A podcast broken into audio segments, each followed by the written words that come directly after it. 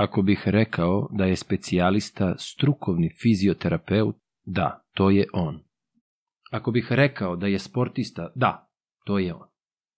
Ako bih rekao da je košarkaški sudija, da, to je on. Ako bih rekao da je ronilac, da, i to je on. Ako bih rekao da je otac petoro dece, da, da, to je on.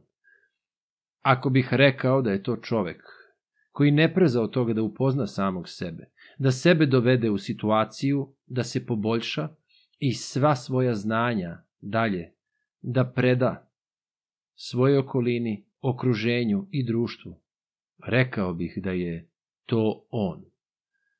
Upoznajte mog narednog gosta, a to je Branko Bane Vorkapić. Uživajte! Svako bi da radi samo ono što mu prija. Znam da nemoguće to je, zato moram utopija. Posejao sam seme, slušam, pratim da proklija. Da li je odgovor za sve probleme utopija? Utop, utop, utop, utopija. Podcast utopija, podcast utopija, utopija.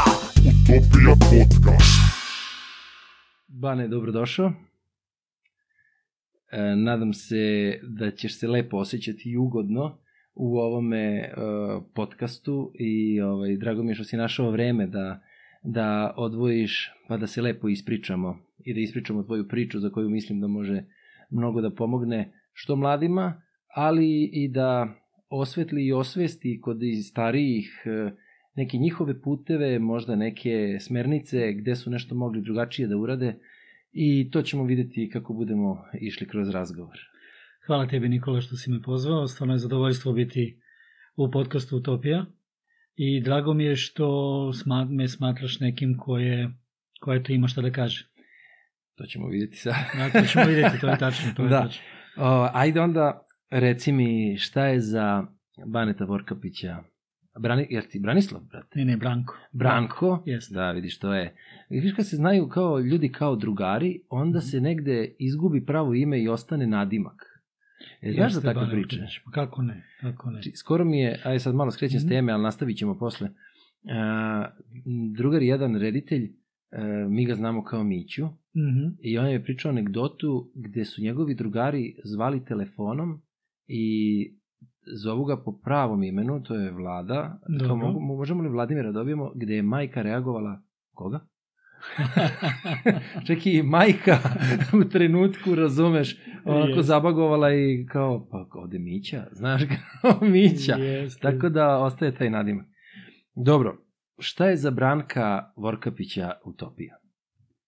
E, Da, pripremio si me na to pitanje, hvala ti. Mislim. Svakoga pripremam, ne želim nikog da iznenadim to. Jeste. O, I pa vidi, utopija zahteva malo razmišljenja, znaš, e, ako, ako pogledamo šta je stvarno utopija, ono književno delo, par stotina godina staro, o idealnom društvu i, i o mestu na kome nema, nema sukoba, nego ima razumevanja, nema podmetanja nogu, nego ima podrške, ovaj, možemo da kažemo, mislim, za mene je utopija mašta, Mhm. Mašta je sredstvo za postizanje utopije, a mašta i ta utopija su ujedno i cilj. Tako da mogu da kažem da je to mašta, koliko god možda zvučalo abstraktno i nerealno za ovo vreme. Um, mašta je ta koja daje ideje, mašta je daje, ti daje nešto što, kako bih se rekao, usudiš se da maštaš i da dobiješ ideju, Bravo. pa se onda usudiš da maštaš i da izmaštaš put kako do, od te ideje da dođe do nekog, nekog rezultata, pa onda dalje maštaš pa kako će taj rezultat šta dalje da pruži i šta je taj neki cilj. Isto moraš da maštaš. I onda je, kad vratimo sve to na neku onu dečiju, dečiji koncept mašte i podrške ka mašti, mislim da je to ključni moment koji mi danas zanemarujemo, jer niti deci, a posebno ne odraslima, ne dozvoljavamo da maštaju. Bravo. A ono što je još gore od svega je što ni odrasli, a posledično ni deca, ne dozvoljavaju sebi da maštaju. Da. Misle da nemaju pravo na to jer je život nešto što je jako ozbiljno. Međutim, iako je život nešto što je ozbiljno, bez mašte on postaje siv Da. i surov, a Tako sa maštom postaje vrlo svrsishodan i daje budućnost. Da. I odmah ti kažem hvala na odgovoru, iz razloga što, prvo, jako mi se sviđa e, ne odgovor kao takav, nego ugao gledanja. Jer upravo to jeste cilj, da osvestiš sa svakim odgovorom, sa svakim sagovornikom, sa svakim e, iskustvom koje susretneš ili stekneš, da te to poboljša. Ali ovo što si, ovo što si rekao, to je toliko istinito.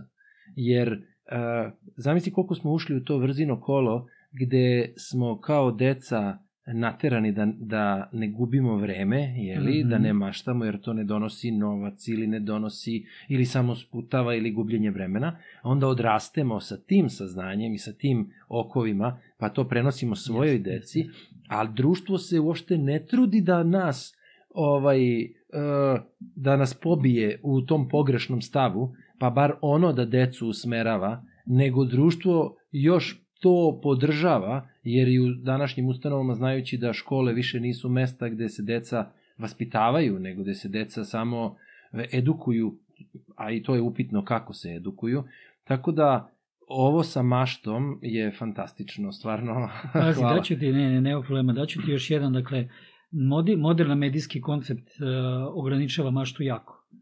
Uh, deca su usmerena i odrasli su usmereni na, Na na nešto što je već neko izmaštao, znaš. I sad ću ti dam samo primer. Na primer, gospodari prstenova. Mhm. Znaš. Ne znam da li si ti bio da u generaciji koja je zaista prvo pročitala gospodare prstenova, pa onda gledala ekranizaciju. A, ova druga, da. Da, e, i ja sam isto... Ovaj, Prvo sam gledao, Prvo sam gledao, pa, sam onda, čitao, da. jeste. Međutim, mogu da uporedim to sa knjigom Vinetu, na primjer. Mhm, to Znaš, si prvo koju čitao. sam pročitao, Mhm. znaš. A, I onda jednostavno ta mašta, ti fantastični pejzaži koji su opisani, pa ta vanvremenska snaga tog Old Shatterhanda, pa to neko vanvremenska mudrost i, i domišljatost indijanaca i tog Vinetua. Mhm. Ovaj, ona je dala nešto što je, ta mašta je jednostavno to morala da proizvede u mojoj glavi. Ja nisam imao servirano kako taj Old Shatterhand izgleda, ja sam morao da ga zamislim. Tako je. I tog Vinetua i sve te neke druge likove Nije ti servirano. nije mi servirano. A na primer, gospodari prstenova su mi servirani. Da, i sad ne možeš nego da razmišljaš o tom liku. Jeste. I sad imaš situaciju, moja supruga, koja mi je za prvi, da kažemo, zajednički rođendan, kupuje trilogiju gospodare prstenova, ali tako trilogiju, Mhm. i kaže, ovaj, u poruci kaže, ne ide da čovek kao ti nije ovo pročitao, nego je samo gledao. da. E, i ovaj, e, teško sam čitao, na primjer, gospodare prstenova posle, jer e, imao sam potrebu da, je- da ja dam svoju ekranizaciju tome kod sebe, ali Mhm. je onaj input koji sam dobio već bio jako, jako prisutan i to je... Da, onda ne možeš da pogledaš ga sukob, nadvladaš. Ne možeš da ga nadvladaš. Jeste. Uh, ne, to si skroz u pravu. E, sad, dok si pričao, pokušavao sam da se setim nekog svog primera, neke knjige, uh, upravo to. Um, I nema. Znaš, jesam tip, tipa Arthur Conan Doyle, možda neke... n- n- uh, nije to... Um, to je njegova... On je pisao nešto kao što je izgubljena zemlja ili tako nešto. Znači, nema veze sa Sherlockom Holmesom, nego Mhm, kao mhm. uh, uh, tipa kao neka izgubljena zemlja gde da li je u Južnoj Americi ili nešto i onda su tamo opstali dinosaurusi. To je kao neki krater ili Mhm, nešto. mhm. Ne, ne mogu sada da se setim. Ali to nisam gledao kao film, međutim, meni je, jeste negde u glavi bilo put u središte zemlje ili tako nešto i Mhm. gledali smo gomilu filmova i Isto. onda opet su sve te neke slike koje ti daju inpute iz tih stvari, pa onda ti ih umećeš u to svoje. Ali, na primer, uh, naši Tarzana, lupam sad govorim iz našeg Jeste, ugla, znaš, kao jeste, čitao jeste. sam knjige, nisam samo gledao, ali opet crtani koji smo gledali, pa sve, opet i tu negde stoji. Ali, na primjer, Jana kad je odrastala, Mhm. nisam joj dao, uh, znači, kako smo, prvo smo pročitali Harry Pottera, Mhm. pa smo gledali taj deo. Tako je bilo i za Hobita. Prvo Mhm. smo pročitali, ja sam joj čitao, ja sam Da, Harry da. Pottera e, prvo gledao, jeli, mislim, Dobro. ali onda, e, kada je ona već stasala dovoljno, onda smo deo po deo čitali, ja sam joj čitao, a onda smo ga zajedno gledali. pa čitali pa gledali. I sad onda naravno ona je opet prošla taj ispravniji put, da Mm. kažem što si ti pomenuo. A pazi, e, imamo tu i dosta još prostora, znaš, puno tih bajki iz naše, na primjer, epske proze, poezije, Tako je, tako je. ali iz druge epske proze i poezije, da kažemo i ruske, i britanske, i francuske, nisu ekranizovani Mhm. i oni daju, dakle, zato je jako važno čitanje deci i usmeravanje dece na čitanje, jer im to daje taj razvoj mašte i tu neku nepobedivost koju oni imaju u svojoj mašti i tu nepobedivost posle toga se pretvara se u hrabrost, Mhm. a hrabrost je osnova po meni svake dobre stvari. Dakle, ta unutrašnja ljudska hrabrost te čini da možeš da budeš dobar i da činiš dobro. Tako je. I, a, a vidiš opet, s jedne strane što si rekao, ne- gledam, a, mašta je nešto što nas a, ojača, što, što nas iznutra i hrabri i čini a, boljim i Mhm. sutra kao boljom osobom, jeli, individuom. A, ali onda kad si uporedio sa utopijom, onda mi je Mhm. to došlo kao nešto nedostižno. Ali samo u poređenju sa ovim kako društvo, odnosno sistemi, gase tu maštu. Yes. Svesno ili nesvesno. Ali opet do nas je i do ovakvih razgovora Mhm. i do nas kao roditelja i do nas kao uh, dobronamernih ljudi da ako postoji mogućnost da to osvestimo i da neko to čuje i da shvati, ni, ništa ne pametujemo, nego prosto samo kafenišemo i pričamo o, tome, to može mnogo da pomogne, u mnogome da pomogne da eto sutra neko obrati pažnju pa da ne bude varijanta sad kao aj samo daj detetu upali TV neka gleda nešto razumeš da imamo vreme. Mislim teško u ova vremena ali opet ne treba se. E, teško je, ali moramo da znamo šta je vredno, a šta nije vredno. I u skladu sa tim da gradiramo i svoje postupke.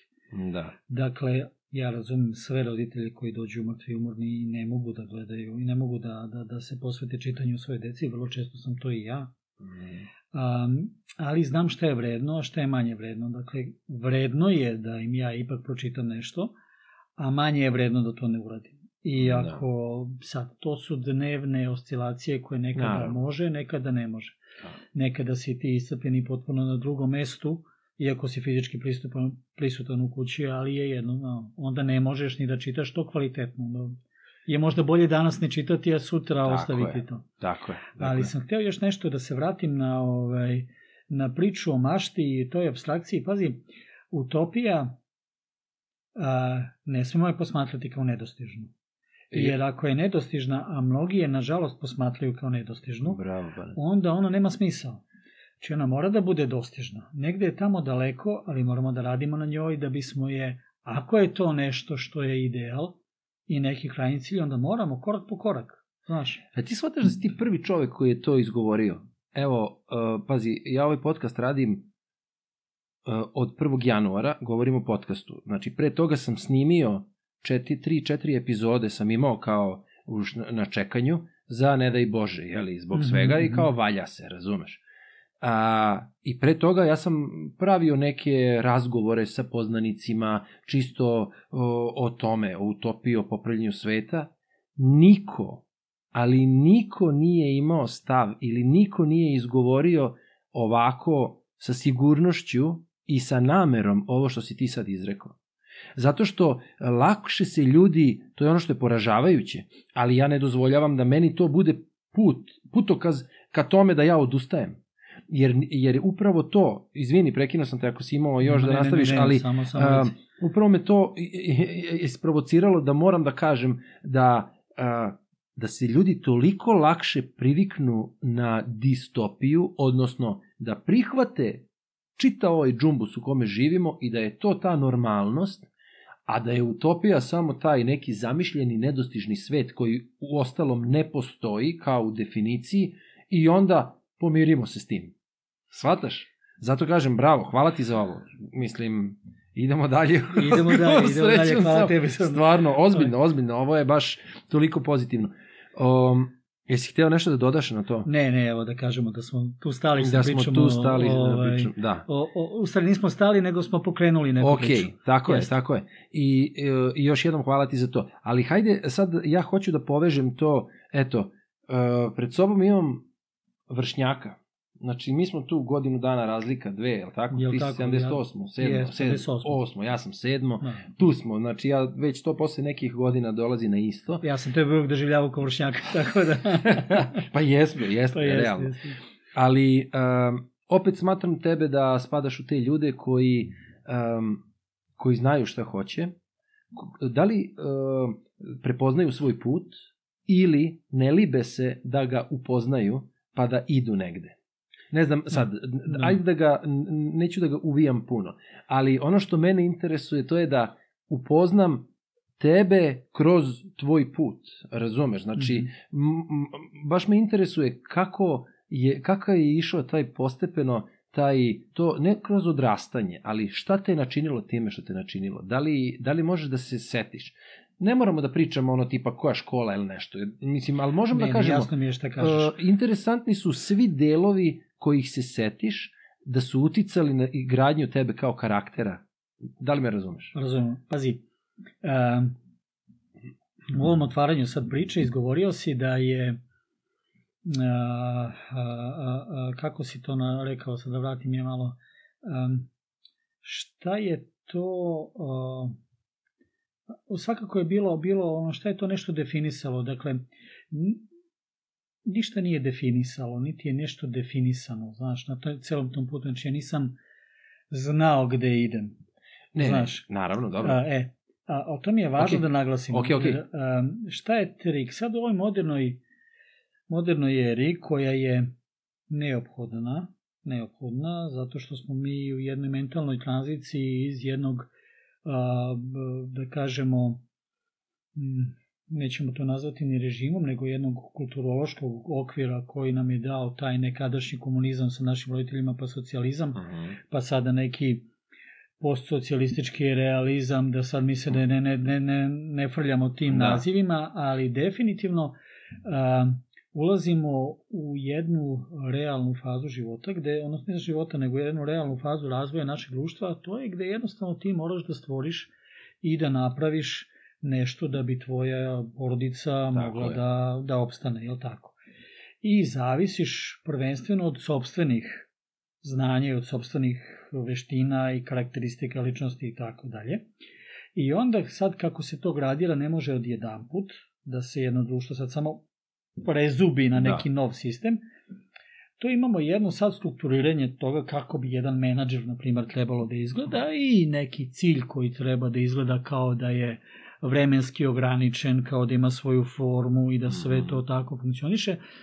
Um, to je negde, da kažemo, za nivo srednjeg i višeg menadžmenta tako. Znaš. Međutim, ti, ti u svom životu, kao i ja, mi nismo ni srednji menadžment, niti bilo koji, mi smo, mi smo vrhunski menadžment, mi čak nismo ni vlasnici svog života, mi smo menadžeri njegovi. Mhm.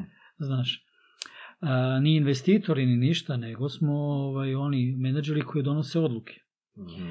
I onda taj cilj koji je tu, moraš da potražiš u sebi, da prepoznaš sebe i svoje lične karakteristike i da budeš dovoljno hrabar da kažeš da to su moje karakteristike. Mhm. I da to jedan Nikola ili neko ko bude gledao ovaj podcast može da osudi bez problema Da. ili da ne osudi, ali to uopšte nije važno. Važno je da ti imaš spoznaju svojih karakteristika i da ih uklapaš u situaciju u kojima se nalaziš. Mhm. Polako te situacije počinješ i da kreiraš, ali prvo moraš dosta onako u sebe da, da, da, da pogledaš, da, da razložiš svoje lične osobine, da li si vredan ili lenj, da li si uporan ili si agresivan, da li si sileđija ili mileđija, Da. uh, are we are the men or we are the mice, now we are the flying mice, sećaš se toga. Ovaj, tako da, a, kada pogledaš u sebi, u redu je da budeš i flying mice, i u redu je da budeš, pazi, nije u redu da budeš sileđija donekle, ali je i to u redu ako si sileđija u pozitivnom konceptu samog sebe, pa onda Da. važno je ne ugroziti druge ljude, razumiješ? Tako je, tako je. ali je sve to negde spoznaje samog sebe. I ako si sileđija, kontroliši se, potroši energiju da se kontrolišeš. Tako je. Razumeš? E sad, samo ću da, da, da završim, pošto si otvorio temu. Dakle, šta je to bilo, šta je ta mašta i ta hrabrost koja je proizašla iz mašte, je bilo to da sam ja eto bio hrabar i da budem istinit prema samom sebi, da spoznajem svoje osobine i da ih poredim prema tim nekim a, maštovnim a, a, likovima koje smo dobili kao kroz to čitanje, kroz tu neku ta neka vođenja prva, znaš, pa smo taj neki, ali ja ću da ga nazovem Mol Šeterkin, da se zove kako god hoće, pa taj neki Vinetu, pa to neko Biberče, pa taj neki Marko Kraljević, pa taj neki, kako god da se zove, Branko mm -hmm. Kockica nek se zove, da, nema da, problema, da. ali neko ko je promovisao odličenu vrlinu, koji si prepoznao i koji prihvatio. si prepoznao da. i prihvatio i onda svoje karakteristike prema toj nekoj vrlini i onda polako uz taj ritam ideš korak po korak i prepoznaješ sebe, svoje mogućnosti, svoje kapacitete i gde bi ti to najbolje doprineo društvu u kom se nalaziš i kao odgovor dobijaš neki pozitivan odgovor. Da li se odmeri uh, ovakvom ili onakvom gratifikacijom ili se meri novčano, to je sada stvar onoga što je tebi važno. Dobro, i to zavisi od momenta i od, I zavisi od momenta, ok, mnogo stvari. Ali, da, da, da, potpuno se slažem. S tim što opet govorim da ti spadaš, mislim, u veoma mali broj ljudi koji su dovoljno, pored mašte, hrabri da se suoče sa svojom maštom. Odnosno, da sebe dovedu u situaciju da se preispituju. Da li me razumeš? Da, mislim da... E, jer šta, šta sam ja primetio? Ja smatram da ja ne spadam u te ljude do kraja. Zašto? Znači, ja kao glumac sam prošao kroz to. Na razne načine, kroz razne likove. Apsolutno. Ali ja kao Nikola Krneta ne, ne mogu da kažem sa sigurnošću da ja sam takav, jer verovatno da sam takav, neke druge poteze bi povukao. Da li me razumeš? Znači, ovo ne govorim, ovo, sad, ovo je sad retrospektiva moj, moja neka, samo je izgovaram naglas, jeli, preslišavam se naglas. Ali, um, ali je istinito, vrlo istinito i osvešćujuće. Zato ti kažem, uh, um, sad, sad dok pričamo, neću sad to, ali padaju mi na pamet još neki ljudi koje poznajem, koji su upravo to što si ti sad izrekao, oni su sve to prošli. Mm -hmm. A ja sam sve to vreme znao, ali nisam znao da definišem. I onda, to je kao čitanje knjige, jel tako? O, znaš, čitaš knjigu i kažeš, pa ovo sam ja doživao, ovo sam mogu i ja da napišem, ali nisam mogao da napišem, razumeš, nego Jest. upravo to, razumeš? E sad vidiš, to, je, to jeste proces i to je... Ne može svako da ga... Mislim da može svako i da treba svako, samo treba ga treba svako. osvestiti. Znaš. E pa to je, pa ne. E, i, ovaj, I biti hrabar da se krene u tom pravcu. Pazi, ovaj, juče sam nešto pročitao, kaže... Uh, Delovalo je teško i komplikovano u početku, ali sve delo je teško i komplikovano. Tako je, pa da, da, da, to ono što... To, to, znači, ne, ajde da krenemo pa polako. Da, pa jeste, dok ne kreneš ništa, ako sediš samo i ne možeš da stigneš, mislim, upravo, to je to, taj upravo. prvi korak. E, ali evo sad još nešto što sam ovaj uvidio, vidi sad ovo. E, ja ću najavu za, za razgovor s tobom napraviti naknadno. Svataš. Dobro. I sada, ja sam se u trenutku prebacio u vizuru gledalca. Dobro. I gledalac još uvek ne zna sa kim ja govorim. Odnosno, znači iz najave. Razumeš? Dobro, dobro. Ali, e, prosto ne želim da uprostim, ali ja bi sad voleo da krenemo da te upoznajemo dobro. kroz, da kažem, tu, to odrastanje. U kom smislu? E, ajde da, da, da prođemo sve te tvoje stepene u, u kojima si se ostvario. Jer, mm -hmm. dakle, od sporta, pa preko kako se to prelivalo iz uh, sporta u školu, iz škole u ne znam dalje, dalje, nećemo sad da nabrajam, nego ćemo kroz razgovor da vidimo. Um, odakle si, iz Beograda? Iz Beograda, da. Mm. I gde si išao u školu, koju? Išao sam u Vukaračić. U centru dole? U centru, tako skoro. Da, da, da. da. I uh, šta si trenirao?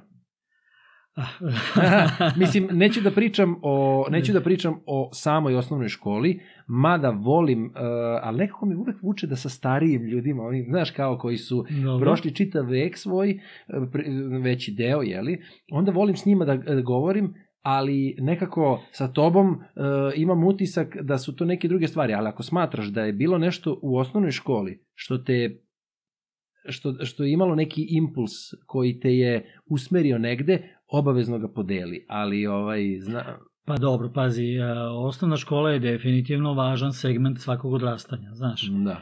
I to su ti prvi neki socijalni kontakti, Tako prva je. neka orijentacija, znaš.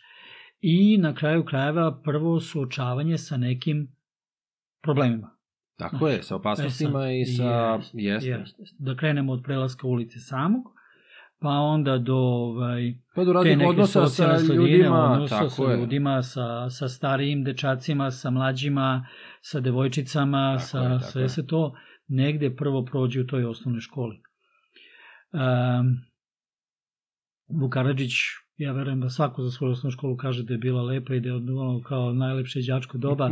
Ovi sadašnji, jel tako, školarci se možda ne bi složili sa tim, ali eto tako mi smo došli valjda u godine kada možda možemo da, da kažemo ok, da, to doba je bilo zaista lepo. A da. Uh, uh, šta sam trenirao u osnovnoj školi? Trenirao sam karate. Mhm. Sa time si počeo? Sa time sam počeo, jeste. I to su moji roditelji definisali kao neku aktivnost koja će da meni učini dobro i zaista jeste učinila dobro. I a, naterala me da se prvi put suočim sa samim sobom, U kom smislu? sa strahom. Mhm. Prvi put imaš strah ispred sebe. Imaš E, nekog protivnika. Jasno. Prvo zamišljenoga, posle pravog.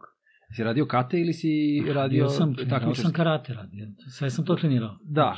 Ne, ne, ne, pa zato te pitam, trenirao sam, Mhm. ja sam, a, mislim, kratak deo, ja sam, ono, ne znam do kog pojasa, ali ja to ne računam da sam trenirao iz razloga što sam došao do tipa, ne znam, oranž, zeleni, ono, to prvo, ne znam šta, ali zato i kažem ne računam da sam trenirao, ali smo radili samo kate, nisam imao uh, borbu, Da. odnosno, a onda sam posle čuo da je to totalno druga, uh, drugi segment karatea, ovde kako kažem, druga grana karatea, ili je to sad Mhm. postala druga grana, možda ranije nije bila. Mislim da je to sada postala, ja sada to više ne znam. Da, E, dobro. Ja Dokle sam prestao, prestao da treniram negde sa, pa sa 13-14 godina sam prestao, tada su počele neke druge stvari da me zanimaju. Da.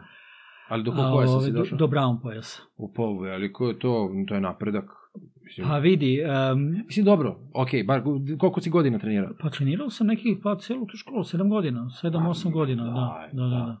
Mislim, dobro, dobro, nastavi. E, e, da, i to je, na primjer, koncept koji je mene, kažem ti, prvi put suočio sa strahom, znaš, i sa mojim odnosom prema strahu. da. Prema protivniku koji sad tu je veći, jači, ili je manji, ali je vešti, Da, da, da. um, naš, nikad ne pocenjuješ protivnika, to je ono jeste, što je ispred tebe. jeste. A onda ukapiraš da je, da, to je sve tvoj odnos prema protivniku, znaš, i u suštini ta hrabrost i sve to se dešava, sva ta borba se dešava u tebi. Mhm. Znači ono ostalo što je sad efekat te borbe koja je u tebi, to je samo efekat, a suština se odvija u tebi Da. i u tvom telu. I taj neki sport, za mene je to bio karate, za neke devojke, devojčice je bio balet, odbojka, za neke druge ljude je bio neki drugi sport, gde, ne znam, ja verujem da toga istog ima i u futbalu, jer ti si sad, znaš, plašiš se, treba da pogodiš taj gol. Jeste on velik, ali ti ipak treba da ga pogodiš. Ili u košarci treba da pogodiš taj koš. Treba da obiđeš Protivnika, protivnika, ali tako da. Znači, to je su sve u suštini a, borbe, prvo sa samim sobom.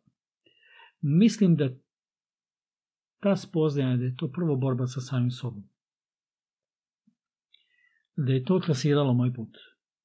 da. To I si da shvatio. roditelj, da sada kada imam malo više godina shvatio sam to i da roditelj u suštini treba da ovaj, razume da se dete tu bori Protiv sebe. protiv, Sa sam, sobom. Ne, ne protiv sebe, S, da, sa sobom. sa sobom. A sad da. ćemo da sad ću da ti objasnim kasnije dolazim ajde sad ono kao idemo Quentin Tarantino Ajde, ajde, da, da, da. ovaj um, dolazimo u 2018. ili 19. godinu gde ja organizujem neki jako, jako lep seminar u svojoj ambulanti Mhm. gde dolazi jedan inostrani predavač i priča i o bolu znaš, i kako se mi borimo protiv bola a ovde sada izjednačimo bol i strah odnosno bol i borbu Mhm. dolazimo do momenta gde ona kaže ok, mi možemo da stanemo i da se bijemo sa bolom. ali trošit ćemo energiju, bol će i dalje da bude tu. Mhm. A možemo lepo da uzmemo taj bol ruku pod ruku i polako spoznajući taj bol da ga razumemo i na kraju i savladamo. Mhm. E tako, sad kad vratimo se opet na onog dečaka tamo koji stoji ovaj, u toj nekoj borbi. Mhm. Um, strah, Da. bol, Pa da. spoznaja straha i bola, Da. borba sa strahom i bolom u samom sebi i jedan put kada izađeš iz te borbe kao pobednik, u suštini svaki problem koji imaš kasnije u životu, ti ideš prema njemu, ne ideš od njega, ne bežeš, Tako je, suočiš se. suočiš se. Da. E to je ono uh, što ne dozvoljavaš sebi da te bilo šta uh, uljuljka u sigurnost, ali sigurnost fotelje u kojoj sediš, a ne u sigurnost u sebe i sposobnost tvoju da možeš da prevaziđeš svaki problem. E sad šta je ovo, na primjer? Ovo šta je meni fascinantno iz ovoga što si rekao, a to je da um, to ja sad, gde ti ti si rekao to kao Tarantino, naravno, ali e, to jeste, gde ti u ovim godinama prepoznaješ neki svoj postupak koji tada nisi mogao, nisi umeo da definišeš, ali si ga usvojio, osetio Jeste. si da je dobar. I onda si, zahvaljujući svemu tome, naravno, sport je pomogao u tome, zato što kao takav gradi zdrave ličnosti, razumeš i sve, gradi svoj tvoj stav, gradi Mhm. tvoju sigurnost, to je ono što ja Janu pokušavam da naučim. Nisam ja nikad bio hrabar, razumeš? Ali sam spoznao zašto nisam bio hrabar, pa njoj sad Upravo govorim to. kako da bude hrabra, a to je sa svojim stavom. Ne da bude hrabra luda, nego da bude hrabra Ne, sa ne, ne, stavom ne, ne, i ne. sigurnošću. A Hrabrost, onda... hrabrost je unutra. Ne, ne, ne, Hrabrost nije naravno, ne, To, to, naravno, to, to. hoću da kažem da e, ono što čovek zrači, to jeste. To je. A ti ako si siguran u sebe, ti zračiš i ti toliko zračiš da tebe obilaze problemi nekada. Ne govorim o ono 100%, ali to ti je ona varijanta, znaš, neko ko je slab i ko nije siguran u sebe, on je pogoren, a ti ako si pogoren, ti ko magnet privlačiš nevolju. Jer onda će neko da dođe da te maltretira, da te, znaš, jer ti si taj ko, na koga se, se svi kače. Znaš, obično. jest, jest, jest. To jeste činjenica. jeste tako. ne mogu da kažem da je 100% tako, ali ja ti sad govorim... I ono što je pretežno, jeste, to se slažem, to je tako. Da, da, da. I e, zbog toga. Tako da jeste istina. I ono što jeste dobro i što meni se jako sviđa i zašto volim kroz podcast da prolazim kroz priče ljudi, a to je ta prepoznavanja, ti momenti kada su neki ljudi nešto shvatili. Nisu u tom momentu to shvatili. Neko jeste to shvatio u tom momentu, zamisli koliko je on bogatiji i jači. Mhm. A govorim o tom momentu, a ne posle 30 godina da si setio, aha, ja sam to znao tada. Mislim, Ne, ne, ne, to je shvataš? tada samo osetio i negde je kanalisao. Da, I to je, to je stvar. neku stazu. Tako je, tako je. Posle toga, pošto već tada negde, uh, pazi, roditelji u ovome svemu imaju jako veliku ulogu, da se mi razumemo. Da, jer oni su- su neki ljudi, oni su ti koji su pružali podršku i usmerenje, znaš. Uh, jer on je tebe naterao da se ti, on te postavio situaciju da ti moraš da se suučiš, Da. znaš. Dao ti je sigurno okruženje, znaš, što je on video kao sigurno, ti to da nisi video kao sigurno. Naravno, naravno. To je za tebe bio veliko, veliko nešto, znaš. I ovaj, a, um, kasnije sam ja to primenjivo i na svojoj deci. I dan danas primenjujem. To suočavanje sa sobstvenim ja i sa sobstvenim strahom u za mene kontrolisanim okolnostima, oni ne znaju da su u kontrolisanim okolnostima. Naravno, naravno. E sad, a, ovo što sam krenuo da ti pričam, pošto smo počeli u toj osnovnoj školi sve, vidi, e, tada roditelji spoznaju, a i, i negde i ja, znaš, karate, ok, ima svoje neke, neke ovaj, okvire u kojima te, kojima te vodi. A, mene zanima nešto drugo. Ja sam radoznao, hoću još nešto da treniram. To si, sam si osetio ili si Jest, odlučio... osetio sam da me zanima još nešto drugo. Da. i još nešto treće.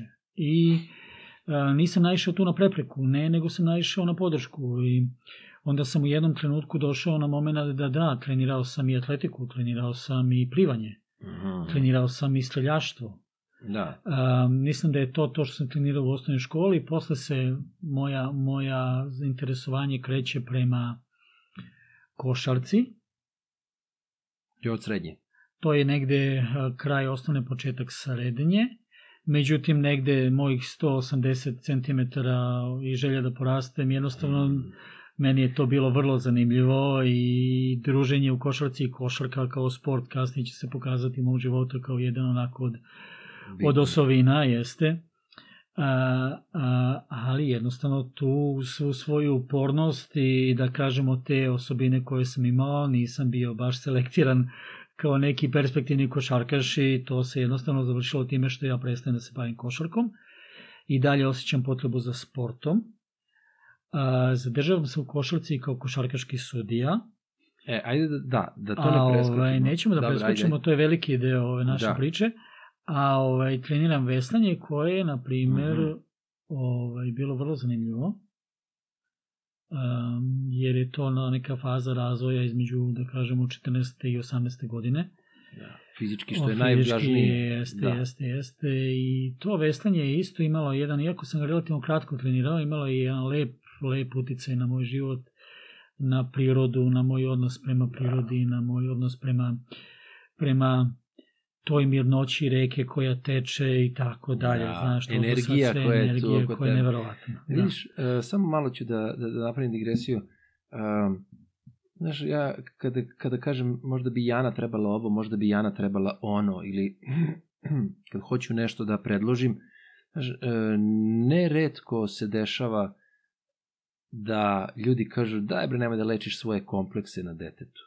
A oni ne shvataju da ti ljudi, mislim, da ne shvataju da nije lečenje kompleksa, nego iskustvo kroz koje si prošao. Ako si prepoznao pravu vrednost ili ako nisi prošao, a prepoznao si da ti to nedostajalo kroz život, opet govorim, a ja smatram da sam tu vrlo realističan u smislu, ja, ja sebe ne smatram bogom danim da sam ja sad mogu da imam ne znam, neku karijeru u nečemu, ali smatram da sam univerzalac koji je mogao, kao što si ti rekao, koji je mogao u svakom sportu da dosegne nešto. Svataš, znači u- da sam u futbolu, ja, ja sam radilica koja je mogla da radi za tim. Svataš, Mhm, nisam mhm. znači individualac da budem, razumeš, neki sad ono kao koji puca golove, kida i da je glavna zvezda. Ne, ne, upravo to, radim za tim i to je ono što je najvažnije, da ću da trčim, da se vratim i sve to. Mhm, mhm. I a, veslanje, imam, imao sam dobrog drugara iz srednje škole koji je išao na veslanje, znači, ali okruženje moje, roditelji i sve, oni nis, ja nikad nisam čuo, na primjer, od njih, kao, pa mogu bi da ideš na veslanje. A sada, ja kad, Mhm. kažem, ja kad kažem Jani, kao, pa možda bi mogla na veslanje, razumeš? Kakvo veslanje? Ovolika leđa, znaš kao, pa da jeste normalni, bre, o čemu vi pričate, razumeš? Hoću da ti kažem kako ljudi nemaju e, takta, nemaju smisla. Ne- čini mi se da, da čitavo okruženje i ceo život ne, dozvolja, ne dozvoljava ljudima da sednu i da razmisle. E sad, ja, pošto nemam stalan radni odnos, ja nekako imam više vremena da sednem i da razmišljam. I onda moguće da je to ta razlika u pristupu. Izvini, morao sam napraviti digresiju Dobro, jer da, me, da, da. jer me ovaj... E, Digresija je potpuno ok. Ja ću sada da ti kažem da se vratim opet na maštu koja rađa hrabrost, a da bi bio radoznao moraš da budeš hrabar. I radoznalost je nadogradnja na tu, tu osnovnu hrabrost koju si dobio maštom i kada ona krene i kada je podržana, onda, onda da je ona u suštini te tera da učiš. Znači, da, radoznalost. I tera ti da stičeš iskustva. tako je. Dakle, podržana hrabrošću, radoznalost te u suštini suočava sa iskustvom, a to iskustvo te oblikuje kao čovjek. Da. I e, em, kroz to, da kažemo, eto, veslanje, mislim, kako sam ja počeo da veslam, tako što sam e, Adam Ciganlijom šetao i video veslače i video čamce i meni je to bilo lepo. I onda sam krenuo, znam tamo kad putuješ autobusom vidiš zvezdu, a znaš da je tamo negde i partizan, i onda sam krenuo, ja sad, pa, nikad ja nisam bio neki navijač ni zvezda ni partizana, da se razumem. Da. E onda sam krenuo tim nasipom prema tim, prema zvezdi, Da, da, da. pa sam vidio tu neki veslački klub grafičar, dobro, ovo ne znam, ni, ne znam, ajde, idemo dalje, pa sam onda došao na zvezdu, pa mi je tamo daleko malo bio partizan i onda sam skrenuo u zvezdu, naišao na nekog ogromnog lika tada, trenera Miću, kao dobar dan, dobar dan, ja sam taj, taj, ja bih došao da treniram. Da. Aha, jesi trenirao nešto ranije? Košarku. Ja, ajde, dođi sutra u 7 ujutru. U 7 ujutru. Sam I ne, u dobro- 7 ujutru smo na vodi, znači dođi da U možeš šest, spremiš da. u pola 7. A, u pola 7. Dobro. Ok, ajde, ja sam tada već bio disciplinovan, znao sam šta je trening, ok. Da, da, da. da. Ja sam se juče pojavio tamo, Da. sutradan pojavio Da. tamo i on me je tamo negde rasporedio da nešto tamo ja radim, ništa nisam razumeo šta radim, znam samo da je bilo teško. I da sam se posle toga dobro osjećao. Jednog sam sutradan došao opet u tako sedam ujutru i opet sam nastavio i tako jedno dve godine je tu prošlo na toj Adi Ciganliji u Sjajno. tom veslanju, trčanju po Adi Ciganliji i, Sjajno. i onda sam tu video ironioce koji su posle bili zanimljivi Da. i tako dalje i dosta tog nekog vremena sam u okviru te srednje škole proveo na toj Abucijani. Da. A ovaj, u to vreme ujedno počinjem sa košarkaškim suđenjem. To smo rekli da ćemo da se da se vratimo na tu temu. A Mhm. ajde, e, neću da gubimo nit, nećemo Ok. izgubiti, ali čisto da pomenemo, u koju srednju si završio? Srednju medicinsku školu u Beogradu. Da. Je li bio neki razlog zašto si nju upisao? Ili... E, vidiš, to je bilo zanimljivo. Ovaj, pazi. E, ne, nećemo zaboraviti, znači, suđenje, Naravno. to Da. sigurno, ali e, pošto vidim da već završavamo srednju školu, ali da je ne, ovaj, znači, to me interesuje. Vidi ovako, dakle mi se vraćamo, to je bila 93. Treća kod tebe. treća godina. Znači, um, mnogi se sećaju šta je bila 93. godina, mnogi i želim da se ne, ne sećaju i da se nikada Da. to vreme ne vrati. Um, uh, negde sam hteo da upišem gimnaziju, međutim, vreme je bilo takvog da je ona priča sve sve samo zanat Da. i ja krećem na zanat, ne krećem u gimnaziju, iako 90% mojih drugara kreću u gimnaziju. Uh -huh. Uh, upisujem tu srednju medicinsku školu za fizioterapeuta. Um, taj posao meni negde leži, to zanimanje, taj zanat, mi negde leži. Moja upornost mi ne dozvoljava da ja tu sad odustajem. Um, I onda jednostavno nastavljam tim putem. Uh -huh. Uh -huh. Kasnije. Da. A, završava se ta srednja škola, fizioterapeutska. Ja je završavam sa prilično dobrim uspehom. A, I moja želja je da upišem medicinski fakultet u Beogradu. -huh. Međutim, to je i dalje 97. godina i jednostavno moj tada, moja tadašnja, tako, hrabrost smatra da je to previše veliki izazov za mene i ja ovaj, na moju sada žalost ne upisujem medicinski fakultet.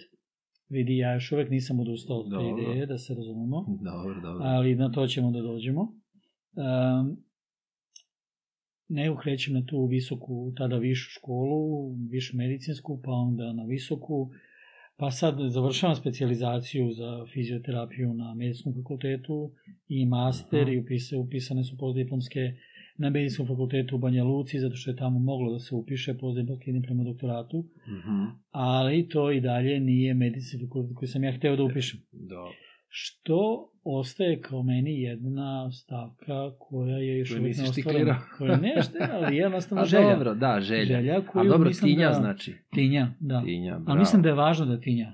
O, da, da, Da, da, da. da. Da, ali to, da, i, i- ono što je važno da to tinjenje nije sputavanje, da, nego upravo da te, da, da održava e, celo biće da ide dalje. Odnosno da Jest. postoji vreme, postoji nada i, i biće mogućnosti da se ostvari to, a ne kao to je prošlo voz, razumeš, i kao daj da odustanemo od toga. Jeste, jeste. Znaš šta, i to što, uh, što to postoji, um, to je mno, u mnogome trasiralo ceo put, znaš. Da. Jer negde sam postavio tu, možda sam ja izmislio da je ta, i siguran sam da je ta lestvica izmišljena od mnogo visoka, ali tera me da gajim vrlinu. Tera me da budem, da dođem do nivoa da zaslužim, ja ispred sebe da zaslužim da sada upišem medicinski fakultet i da ga ja završim kao nešto što je po meni to medicinsko zvanje, zvanje lekara, je po meni nešto što je najsvetije. Mhm. Iako mi sad možemo o tome da diskutujemo Tako jako je, ali mnogo, ne, da. ali je to moja Slažem se. vizura Ne, e, ja verujem, uh, znaš, uh, upravo nećemo da diskutujemo o tome, ali uh, smatram da, da svaka osoba kada uđe u nešto, uđe s ljubavlju, a u putu dođe do nekih pogreški u rasuđivanju ili te društvo i okolnosti nateraju na neke stvari koje su upitne. Tako da možemo tu da stanemo što se toga Mhm, tiče, mhm. nećemo da diskutujemo o tome. E, e, i hajde, e, za, evo, zato sam morao da ti pomenem srednju školu, Jeste. zato što, što kažeš, ona ti je trasirala put za ovo čime se danas najviše baviš, jeli? Jeste, jeste. Ali, ajmo sad da se vratimo e, na, na trenera. Znači, kako si odlučio onda kad si shvatio? Pazi, da li to što si shvatio, da ne možeš da se baviš košarkom onako možda kako si zamišljao, jer sećam se ja tih 90-ih i Allen Iverson je nama bio najbliže, jeli, Yes. jer nismo mogli da budemo Jordani i Pippen i ne znam ko, Magic, Dobro, mada, vidi, vidi, ne, da, da. ali hoću da kažem da opet e, e, to je ono kao kada se suočiš sa stvarnošću, to nije ono što dolazi iznutra, nego to je fizička realnost koja ne može da se nadomesti, a, ali opet si rešio, ok, ne mogu možda da igram košarku, ali ću biti na terenu. To. Je li tako? To, jest, jest. Kako Bilo se je, to dogodilo? Pa pazi, um, uh, meni je košarka i to okruženje nekako jako prijalo. I ja sam volao da treniram košarku. Um, taj dinamički, kinetički tip mi je uh, ona je objedinjavala sve te neke veštine koje su meni bile bile bliske, znaš, Mhm. i i kretanje, i skakanje, i e, promene pravca, i ta lopta, i taj koš, Timski i to rad. druženje, i timski rad. Hvala ti što si to napomenuo, Da. možda je to na prvo mesto bilo. Ne, dobro, sve ukupno, da. I ta neka a, komunikacija sa nekim dobrim autoritetom u vidu trenera, znaš, jer nekako su ti ljudi koji su tada bili treneri ipak bili i kvalitetni ljudi, možda smo, ja verujem da su i danas, ima i ovakvih i onakvih, ali možda sam E. imao sreće pa sam bio okružen Da. i, i dobrim kvalitetnim ljudima koji su bili treneri. Jednostavno ja nisam želeo da da ne budem deo te priče. Mhm. I onda sam seo i hteo sam da potražim način na koji, na koji mogu da budem deo te priče, a eto tako neki ljudi s kojima sam se ja sretao u tom nekom vremenu, moji drugari su možda ranije već od mene bili izašli iz košarke, ali su bili neke pomoćne sudije. I tu dolazimo do jednog zanimljivog čoveka, ja ću da ga, da ga spomenem, ovaj, to je Gaga, ja sam, nažalost, ne, ne, ne znam prezime čoveka, Mhm. Ovaj, on je završio tehnološki fakultet i to je jedino što znam, znam da je otišao negde daleko i da, da radi neku vrhunsku tehnologiju. Ali u tom nekom periodu smo se mi družili i ovaj, Gaga mi je jednostavno tako, zato što je bio Gaga, rekao je, vidiš Bane, evo ja sam pomoćni sudija, ali ti mi ne deluješ baš kao kao sediš ovde pišeš, nego vidi ti sa onim enoga tamo sudija, pa pitaj kako se to postaje. Ja ti na toj utakmici odem i pitam, jeli, kako si ti postao sudija? Kažu, nema kako, odeš tamo, ti radi neki čika Boža, nažalost pokojni relativno skoro, u Košarkom savezu Boža, njemu se prijaviš, ostaviš broj telefona, kad bude polaganje i kurs, oni te zovu i super. Govorimo o vremenu još brojčanika na telefonu, znači fiksni Mhm. telefon. Da, da. U jednom trenutku zvoni fiksni telefon, javlja se moja majka i kaže da, Branko tu je, Branko zovu ti iz Košarkaškog saveza. I eto, Tako je počelo. tako je počelo. Da, a vidiš, vidiš ti kako su to, uh, koliko je splet okolnosti, ali to je životni put. Mhm. To su neke stvari koje se ne nameštaju, nego se dešavaju. Jeste. Ili možemo da kažemo da se negde od ozgo nameste stvari da se dešavaju. Znači, to da ima vezi sa onim što dovoljno želiš i što maštaš. Ima. Ako veruješ u to, neke stvari se nameste, znaš. I naravno, to je ta sigurnost koja dolazi iznutra, želja da ideš ka tome i onda i prizivaš to što želiš. I ovaj i šta onda si polagao? Jest, E, onda sam polagao. I čekaj, Ovaj. šta si sudio prvo? Neke manje lige, to su, to su prvo mlađe kategorije, tad je bila McDonald's liga. Pa je tu bilo raznih, raznih iskustava. Mislim, ljudi koji me znaju iz tog perioda bi se sada nasmijali, ali Pa tako, jednostavno to je bilo jedno uzbudljivo vreme, znaš, i, i ja sam bio mlad i, i ovaj, pun neke, s jedne strane hrabrosti, s druge strane nesigurnosti, jer ti imaš sada veliki izazov ispred sebe, ja se sad, pazi, niko ne zaboravlja nikad svoju prvu utakmicu, znaš, a ja ne zaboravljam ni prvu, ni drugu, ni treću i još tako neke koje su stvarno bile, bile onako veliki izazov. Ja znam da sam došao, na primjer, na drugu utakmicu sa knjigom pravila igre, i gde sam ja sedeo u slačionici i čitao pravila igre pre nego što ću da izađem, jer ih nikad dovoljno nisi pročitao, nikad nisi Da. dovoljno, a onda ukapiraš da da, jeste pravila igre važna, ali je važno i još mnogo toga. Da, Jer ja tada se prvi put suočavam sa komunikacijom. da, da. Odnosima na terenu, odnosno, Jeste. Odnosno komunikacijom. da, da, da. I komunikacija je nešto što ja posle dosta godina osvešćujem da je sve komunikacija. Tako je. I da, da bi mogao da, da budeš uspešan u bilo čemu, ti moraš da komuniciraš. A cilj komunikacije je da te osoba sa kojom komuniciraš razume. Mhm. I posle x godina ja završavam taj neki kurs iz NLP-a koji je koji kaže ovako, dakle, ne, ovaj, komunikacija verbalna je, ja ću sad da slažem da li je sad 6 ili 10% zavisnosti od autora knjige, Mhm. dakle ono što ti izgovaraš, reči koje ti izgovaraš. Mhm. Do 20% ili do 30% od tog momenta je ton, boja glasa, brzina govora, dikcija i sve ostalo.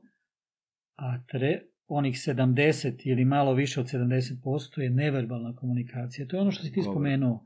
Ako hodaš pogoreno Tako je. ili hodaš ispravljeno. Da li si obučen u košulju ili u majicu. Da li je to što se tebi čisto ili prljavo, ispeglano ili izgažano. Mhm. Da li ti stoji ili ne stoji. I tako dalje. U zavisnosti od svega toga, ti sa nekim komuniciraš uspešnije ili manje uspešno. To nije manipulacija drugim ljudima, nego samo pomaganje tebi, tebi samom, alat, da uspešno preneseš poruku koju želiš da preneseš. Da.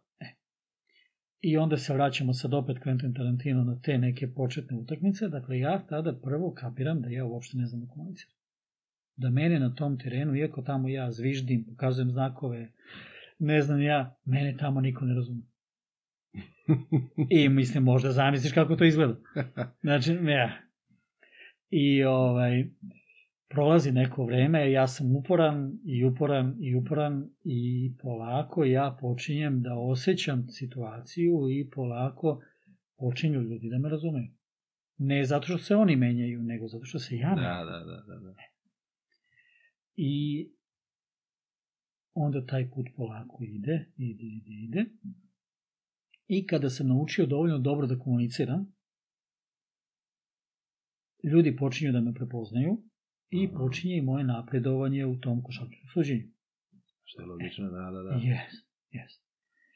I druga srpska liga, beton liga, trčimo po ovim tada IMT-ovim terenima, pa ne znam, ovaj, da ne pričam gde su sve tereni bili, bilo ih je puno i, i to je sve jedno veliko iskustvo.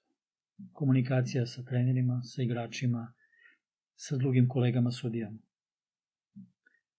ono što meni neka moja, moja ovaj, ta upornost i hrabrost ne dozvoljava, ne dozvoljava mi tu jednu zanimljivu stvar. Znači, ja polako napredujem i dolazim do toga da imam iza sebe dva derbija velika sa Vujoševićem na, na, na, na, na klupi Partizana, sa Pešićem na klupi Zvezde. Mhm. Prethodni derbi je bio sa, isto sa Vujoševićem na klupi Partizana, ja mislim sa Šakotom na klupi Zvezde. Um, Šakota, Struja, uh, dakle ljudi koji su stvarno vrhunski Duda Ivković, dakle to su stvarno ljudi koji su bili i dan danas su za Da. duboki respekt jer imaju ozbiljne trenerske karijere. tu su igrači koji su za duboki respekt, koji imaju vrlo ozbiljne karijere, um, kojima sam ja sudio i sa kojima sam komunicirao na tom terenu.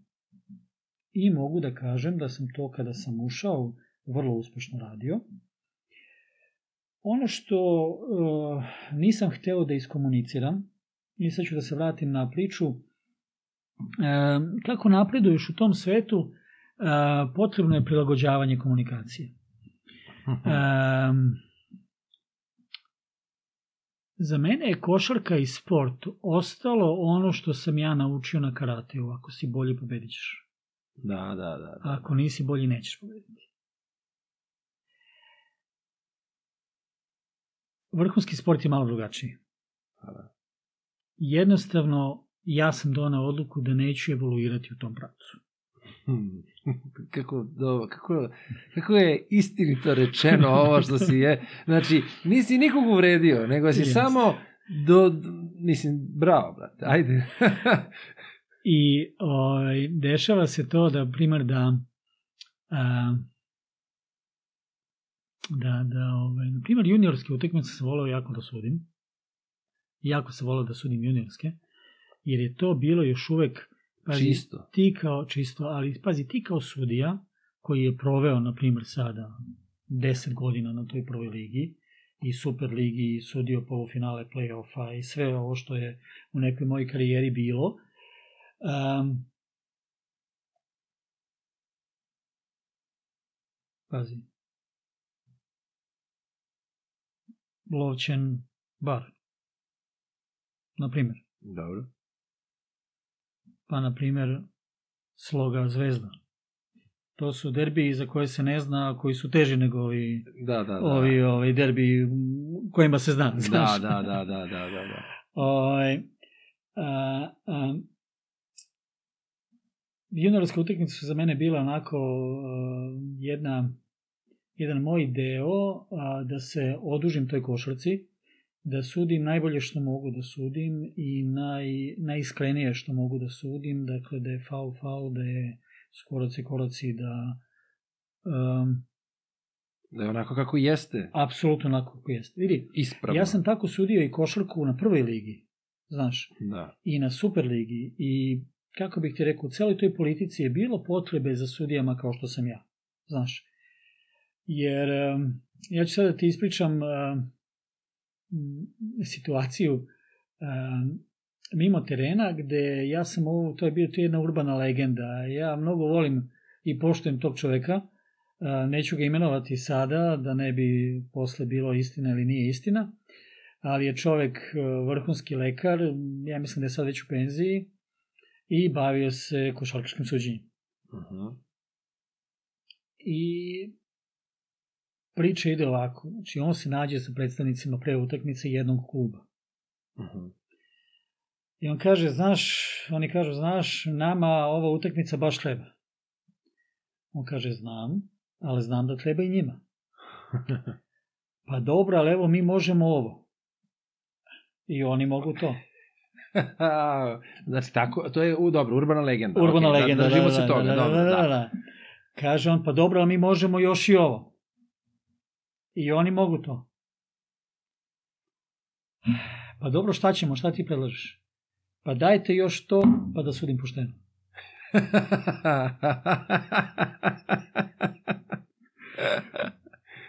da, Eto. da, da, da, da, da, da. I sad taj, ta priča, ta urbana legenda Ja. može da se stavi u, u, u mnogi kontekste. Tako je, tako je. Ovaj, I, na primjer, eto, i to je jedna od priča koja će jedan put da, da uđe u tu neku, neku knjigu koju planiram. Da, da. E, pa pazi, e, sad kako smo stariji, mada sad ja više tu spadam u posmatrače sportske, mislim, razumeš, mada nisam toliko zagrižen, ali jeli, e, nisam striktan ni po tome za koga, na, znam za koga navijam, ali ne u smislu da bi sada druge mrzeo, razumeš, znači ne spadam u, u tu vrstu navijača, ali veliko razočarenje jeste taj upliv novca, velikog novca u sport, gde sport gubi svoju draž. Znači, kvalitet igrača i trenera je neupitan.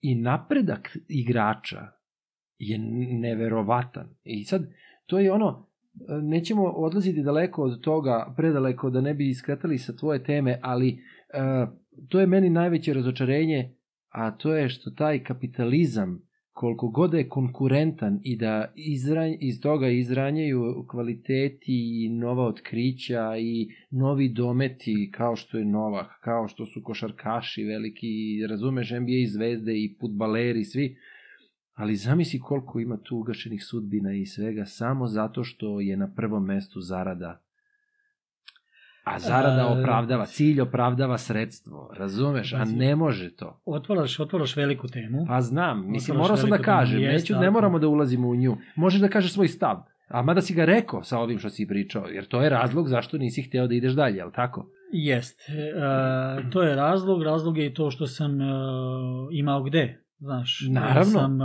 naravno. školu učio i, i dobro je kvalitetno izučio i onda je to sad možda jedna od sledećih tema gde, gde ćemo, na kojoj ćemo se držati. Vidi, uh, upliv novca je neminovnost. Profesionalni sport je nešto što je vas da bilo u različitim formama i vas da će biti.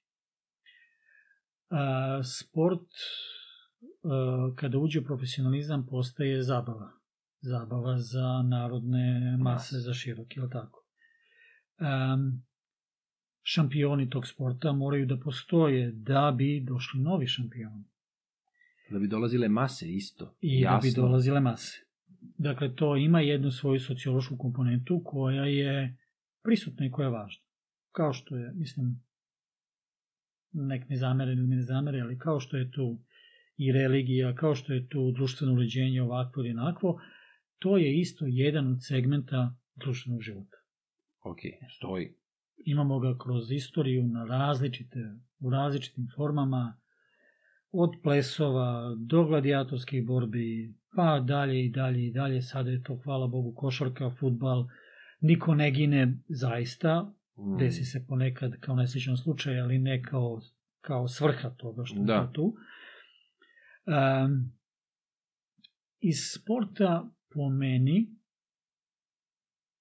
ako si ako imaš iole osnovne inteligencije, ne možeš da izađeš oštećen. Sport je nešto što ti daje. Ti mu daješ vreme i energiju, ali on uzvraća sa mnogo, mnogo velikom školom. Mnogo tih parametara se tu skocka. Mnogo nejasnoća se razjasni kroz sport. I zato je po meni sport važan. Ono gde ga mi superponiramo, moram sad kad smo kod sporta tu, e, sport je malo prenaglašen ovde kod nas. Daje mu se preveliki zdravstveni segment, da se razumemo. Profesionalni, a posebno poluprofesionalni sport, koji je ovde kod nas više zastupljen nego profesionalni, uopšte nije zdrav. I uopšte nije cilj. Po meni. Što? Zato što e, prvo, pos- posebno poluprofesionalni, sve što je na pola nije dobro. Mi ovdje još uvek nemamo, odnosno imamo tek naznake pravog profesionalnog sporta. Ovdje su sportisti još uvek poluprofesionalci. Sudije i svi zdravstveni radnici, osim onima koji su baš zaposleni i primaju platu, su još uvek poluprofesionalci. Dobro. Jer kada ti kao sportista budeš malo imao plaćene dažbine i porez, imao ovaj, zdravstvenu knjižicu kao sportista i to ti se bude priznavalo kasnije u staž, Mhm. ti si onda profesionalac. Dobro. Mi to još uvek nemamo zakonski regulisano, barem koliko ja znam. Možda je negde, ali ono što sam ja posljednje proveravao, nije. Da. Pa dobro, da, opet je to sad ugo gledanja, jer i onda bi, neću skroz da poredim, ali kao što imaš i glumce koji su samostalni umetnici. Mhm. Pa sad ne možeš da kažeš da nisu profesionalni glumci, samo nisu nigde zaposleni. e, i, ali vidi gde Nije- sad tu imamo, imamo jedan problem. Ima znaš, sličnosti, a, ima govorim vrlo samo... sličnosti, ali pazi. Ono što profesionalni glumac koji je negde zaposlen ima, a što profesionalni glumac koji nije zaposlen nema, to je vrlo važno, iako je stavljeno po strani. Zdravstveno osiguranje, Mm, vrlo važno, redovni zdravstveni pregledi. Dobro. Da li bi se našim glumcima dešavalo sve što se dešava? Znaš, i pravo, brate, na penziju, pristojnu penziju toga što su radili i zaradili. Nek ona bude i nepristojna, ali je njihova. Da. A ovako, kada nisu zaposleni, jednostavno vreme teče. Ti postaješ mudriji, ali postaješ i fizički slabiji. Da, da, da. S tom bolestima, s tom povredama. Tako je. Razumeš? I to je nešto što je potrebno sistemski urediti. Ne, ne, vidi, uh, sistemski je uređene su mnoge stvari sistemski. Znači ja, ja kao samostalni umetnik, ja nemam platu Mm -hmm. kao samostalni umetnik, ali kao samostalni umetnik sa svojim radom i sa angažovanjem uh, na nekim pre, projektima, mm -hmm. jeli, Mm -hmm. uh, ja imam status samostalnog umetnika koji meni daje ja Jel imam, daje? ja imam uh, znači grad Beograd plaća neki minimalac za penziono Mm -hmm. i uh, plaća zdravstveno. Ja imam taj minimalac koji će na kraju biti nepristojan, Mm -hmm. ali to je onoliko koliko grad može. S obzirom Dobro. da ja, jeli, jer uh, prosto to za, zavisnosti od projekata. E sad, ima tu sistem, govorim ti sad o samostalnim Mhm. umetnicima, naravno ima mnogih koji ne mogu da ispune normu da dobiju status samostalnog umetnika, u smislu jer svakih 4 ili 5 godina Mm -hmm. ti moraš da doneseš ugovore na osnovu kojih se tebi produžava status Mhm. što je Mhm. na mestu, razumeš, jer Dobro. ne može. Tako da, delimično to jeste, ali, znaš, onaj, onaj drugi Mm. segment, taj gde ti ako nisi, ako nisi zaposlen u pozorištu, ako Mhm. nisi negde na plati, onda nemaš priliku ni da budeš toliko viđen. Znaš, onda se to svodi više na lično poznanstvo gde bi mogao da dobiješ priliku, pa onda da se zamajac Jeste, hvata, jeste. razumeš. Tako da to su neke druge stvari. Ja ne znam da li je tako u sportu, Dobro. ne znam, Vidi, ali znam, onda kada sam ja izašao iz sporta, da. na taj način, aktivnog sporta, znaš, Mhm. ovaj, to, je, to nije bilo definisano, znaš. I ti, Da. na primjer, sada imaš košarkaško suđenje, u kome sam ja bio, koje je uh, postalo jako zahtevno, znaš. Da. A, jer te košarkaške sudije koje sad sude sve što sude, dakle ti računaj da on, on ima jedno tri, dve, tri utakmice u deset dana, znaš, A to za koje mora da se ozbiljna kondicija. spremi, za koje mora znaš, da, da se Trenira, da, da. trenira, da bude potpuno aktivan, pazi, i da dugo traje. Razumiješ, Da. mi sad imamo situaciju da je, na primjer, na Euroligi produžena starosna, starosna dob do, do 55. godine. Znači, ti sa 55 godina života moraš da budeš brži od najbržeg igrača na terenu. Da. Znaš. Da, to se I strane ne vidi. skoncentrisan Da. jeste da doneseš pravu odluku i u prvom minutu i u 45. ili 50. minutu, Da. ono, posle drugog produžetka, znaš, kada pod- odluke Da. postaju važne, znaš. Da, da, da. da, U prvom minutu se i zaboravi ako si nešto... A na to ovaj, niko ne gleda. A na to A to niko ne- gleda, jeste, nego uzimaju zdravo za gotovo, samo da Jeste. se podrazumeva. A ti sudije nemaju penziju, Tako je. nemaju zdravstveno. Tako je, tako je, tako je. moraju da Ne, prođu tu, tu gomilu, si sasvim to. u pravu, jer to je sistemski nije rešeno, kao mnoge druge stvari koje Mhm. nisu rešene, ali to sa, sa sistemom u kom živimo, odnosno kakav smo nasledili i kakav je sada, Mhm. prosto neke stvari liče da je nemoguće da se reše, a onda ide, na, ide ka tome da možda naša deca, ako ih mi ospitavamo na pravi način, možda mogu da postanu ti koji će rešiti te. Jes, znači, treba, Ja se evo, tome nadam. treba, treba te stvari osvestiti, treba Da. o tome govoriti, Mhm. treba biti svestan da to ne može sutra da se reši, Da, da, da, da, da, da, da. ali polako se zida stvar. Znaš, to Tako su mali koraci, korak po korak. Tako znaš, je, tako je, tako je. Nijedan uspeh nije, mislim, dešava se uspeh preko noći. Dobro, na, Znaš. svega ima. Svega ima. Ali strukturirani uspeh se dešava malim koracima. E sad, ono što je sigurno za strukturirani uspeh da će da traje. Znaš, Da. Jer ne može da padne, ali strukturirano. Da li, pazi, ja ne želim nikome koji je uspeo da propadne, da se razumemo, iako je uspeo brzo i ja mu zaista čestitam i želim da je uspeo još brže na još sledeći neki, neki nivo, znaš, Mhm. samo što je ono što definitivno je statistika prosto pokazala da kada se posao temeljno gradi, on onda opstaje. Ako se ne gradi temeljno, velike su šanse da ne opstane. Znaš, Mhm. posao ili uspeh. Da. To su ti važnost malih koraka, kao što je ova naša priča, jedan mali korak, pa eto sad smo mi ispričali, možda neko čuo da kaže, ok, Da, da. To, Tako je. to. I, znači, rešio si, ok, ovo je tačka na ovaj deo, I onda, uh, koja je ta sigurnost koju si imao? Gde si krenuo paralelno sa tim? Znači, Da, rekao si, idemo imao dalje. si da ideš dalje. Šta je to bilo? Ovako, a, završavam tu a, tada višu školu fizioterapeutsku i stajem se ispred sebe i kažem dobro. Naučio si školu, dobio si tamo neke odlike od nekih ozbiljnih ljudi iz tog posla. Sad kreće život. Ja tek treba da naučim kako da primenim to što sam naučio. Gde ću to najbolje da naučim? Na mestu koje je najbolje. Koje zvuči za najbolje. Najbolje mesto tada za rehabilitaciju je bila, ne znam da li je bio zavod ili klinika za rehabilitaciju dr. Miroslav Zotović. Mhm.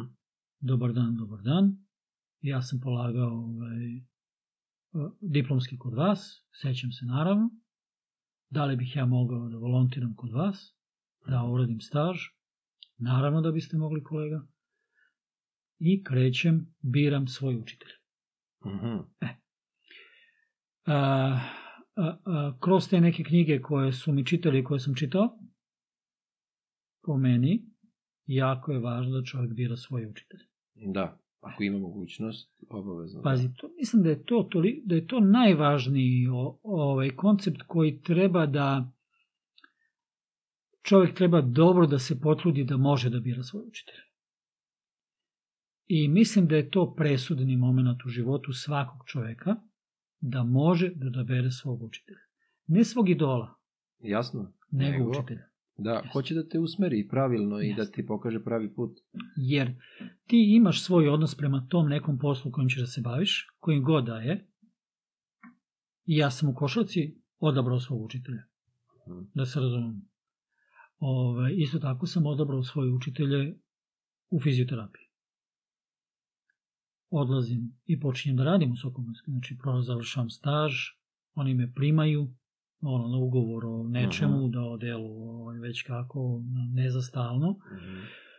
U tom intermecu kreće priča, završila se 99. ratovi, sve ono, ja imam svoje godina, zreo sam za vojsku, odlazim u vojsku.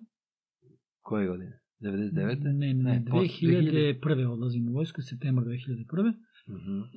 Odlazim u vojsku, znači Beogradsko čeljade iz kruga, iz kruga dvojke, ovaj, odlazi u vojsku. Gde? U Novi Sad. Sanitet. Mhm. Čekaj, uh, tada je 2002. 2001. na drugu. na drugu. Tu sam služio. Dobro, to je odlazim na 12, ja sam ona najsrećnija generacija kojom je bila smanjena ta, na 9. ta brojka na 9 meseci u toku samog, Mhm. samog služenja. Nema veze, odlazim na 12, na 12 meseci. Uh, vojska nosi sa sobom svoje izazove i dan danas uh, mislim da je vojska imala čemu da me nauči. Vrlo Iako sam bio i obrazovan i da kažem samosvestan i tako dalje, mislim da je vojska imala čemu da me nauči i kako treba i kako ne treba. E, U životu treba biti zahvalan za sve lekcije, znači i one koje te uče kako treba i po meni posebno za one koje te uče kako ne treba. Um, da postupaš, da se ponašaš, da razmišljaš i tako dalje. Ali u vojsci to ima svega i to sam video I sad šta bih ti rekao, znaš, a, neki naj, naj utisak iz tog perioda je da, da je a, život mnogo drugačiji nego u krugu dvojke, znaš. E, ljudi u Srbiji, pazi, ja sam to video kroz košarku, ali ne toliko, znaš. Ljudi su stvarno različitih prvo kultura, a onda i higijenskih navika Mhm. da znaš. Ako ćemo da posmatramo nivo naše zemlje, da ga izjednačimo sa higijenskim navikama naših muškaraca, te 2001. i 2002. godine, nemamo čime da se ponosimo, da kažem. Da. Što ne znači da naša zemlja ne valja, ne. Ne, jasno. Znači jasno. samo da ima jako mnogo prostora za napredak. Da, da, da, da. što mi daje spoznaju da u ovoj našoj zemlji za svakog od nas ponosu ima posla za tri života. Znači ima toliko posla koliko ne možemo da govorimo. Mhm. Moramo da znamo da postoji manje od 10% visoko obrazovanja. Govoriš o tom trenutku ili Govorim govoriš sada, i sad? mislim sada. Sada. Sada. Da je procenat nepismenih, ja sad neću da, da licitiram brojkama, ali i dalje enormno visok. Zar je? Yes. I da, to što je neko visoko obrazovan u zemlji Srbiji, A, to ne znači da je obrazovan. Da. nešto ne znači da je obrazovan, nego mi imamo sad situaciju jedne gordosti zbog toga što je neko visoko obrazovan. I potpuno negiranje svoje uloge u društvu, a ta uloga je obrazovna. Odnosno, ti moraš to obrazovanje koje imaš, Da preneseš. moraš da širiš. Slažem I se. svest o toj potrebi moraš da širiš. Pa da, svojim ponašanjem, svojim odnosom prema ljudima, svojim odnosom prema deci svojoj, tuđoj. tako bi trebalo. Ne, to ne tako bi tako trebalo. Ne, ne, tako bi To je- moralo. Da, da, da, ali je, ali sve drugo ne ukazuje na to. Odnosno ne navodi na to, već baš suprotno, to je gledaj svoja posla i ako si takav, ti si samo pretnja ili neko ko nije podoban. Zato je ova tvoja podcast utopija nešto što je važno i nešto što treba da se, da se čuje daleko i da se, da se sve više i više širi. Jer a, to nije nedostižno. Ma, To samo treba predstaviti. Znači, ti nisi završio medicinu da bi bio veliki doktor, nego da bi lečio taj narod, obrazovao po pitanju zdravstvene higijene i širio to znanje koje imaš.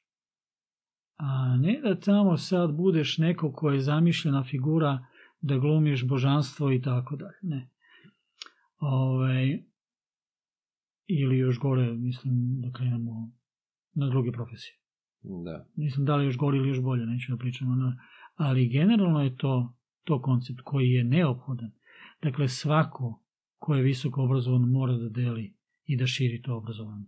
Da. Znaš, I na taj način da utiče svojim primjerom da vodi ovu našu državu u pravcu boljeg ukupnog obrazovanja koje onda može da donese i boljitak. Jer a, ako se mi šta god da nam se stavi a da to nismo mi proizveli to neće dugo da živi. I ako ćemo da pričamo o vlasti, i ako ćemo da pričamo o fabrici, i ako ćemo da pričamo o poslu, i ako ćemo da pričamo o čemu god hoćeš da možemo, znači sve je to rezultat naših trenutnih mogućnosti. Ok, I jedini način da ih promenimo jeste da se obrazujemo. slažem se s tim što um, opet ne, neću sad da zvučim kao neko ko samo gura na onu stranu distopije, Mhm, razumeš? Znači mhm. ja spadam u ove koji veruju da može da bude tako kako ti kažeš i upravo si sam si rekao, to jeste razlog zašto postoji ovaj, ovaj podcast. A, ono što jeste poražavajuće, a to je što kada pričaš sa dosta ljudi, kada dođu do kraja da nemaju više argumenata za to što pričate, završava se sa tim tako je uvek bilo i pomiri, pomiri se sa tim. E to je ono što je razočaravajuće, shvataš? Znači, e, po meni, ako imam neku um, mogućnost da nekoga poboljšam, odnosno da sa svojim iskustvom pomognem da neko postigne nešto bolje, zašto sa radošću to ne bi podelio? Zašto da budem tačka spoticanja, mesto, razumeš? Znači, gde ću nekoga da sputam, da on ne dosegne svoj maksimum. Ti si sve ovo što si rekao, to je da, da se razbokori društvo, razumeš, da, da postane uh, plodonosno, da, da svi uživamo u, u plodovima svih nas. Što jeste, mislim, govorimo o ljudima koji žele da ostanu, koji žele da se bore št, za našu decu, jeli? Znaš, Mhm. o bože moj. Da, Ali- zvuči kao slogan. Da, Da, pa nešto zvuči, mislim, strašno, što, što sam rekao. Ali Je. hoću da kažem, ne, ali hoću, e, mislim, razumemo se. Jeste, Um, jeste. E, mislim, samo zbog toga. Pazi Nikola, e, po meni ne postoji drugo rešenje. Znaš, sva druga rešenja ovaj, su nisu adekvatna. Znaš, em, obrazovanje je su- suština svega. Slažem se. I e, to obrazovanje jednostavno mora da se deli. Obrazovanje i ljubav rastu kad se dele. E, ništa drugo ne raste kad se deli. Mhm. i jednostavno moramo da to razumemo kao tako. E, niko od nas nije idealan i svi mi se borimo sa sobom ili se borimo sa drugima, sa sobstvenim vetrenjačama ili sa so- sobstvenim problemima, kako god to ko gleda na to. Mhm. I em, pazi, ako sad ono, kakve su ti misli, takav ti je život, moramo biti bolji da bi nam bilo bolje.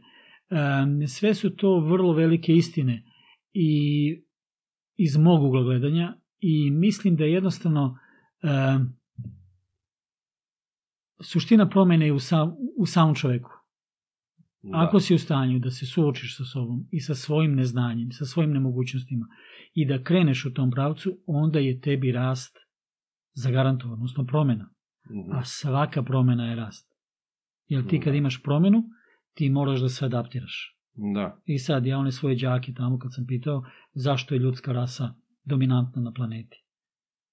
Oni kažu pa zato što smo najpametniji, zato što komuniciramo. Pa čekaj, delfini su pametniji od nas i komuniciraju i kitovi i svinje su čak imaju isti genski kod kao mi i vrlo su inteligentne, i, ali nemaju strukturu kao što imamo mi. Mhm. Zato što smo najadaptabilnija bića na ovoj planeti. Znači, naj, naša inteligencija nas vodi u pravcu adaptacije, što znači svaki izazov koji staviš ispred sebe će da te dovede do određene adaptacije. Kao što smo pričali do sada o nekom mom putu koji je mene vodio kroz adaptaciju.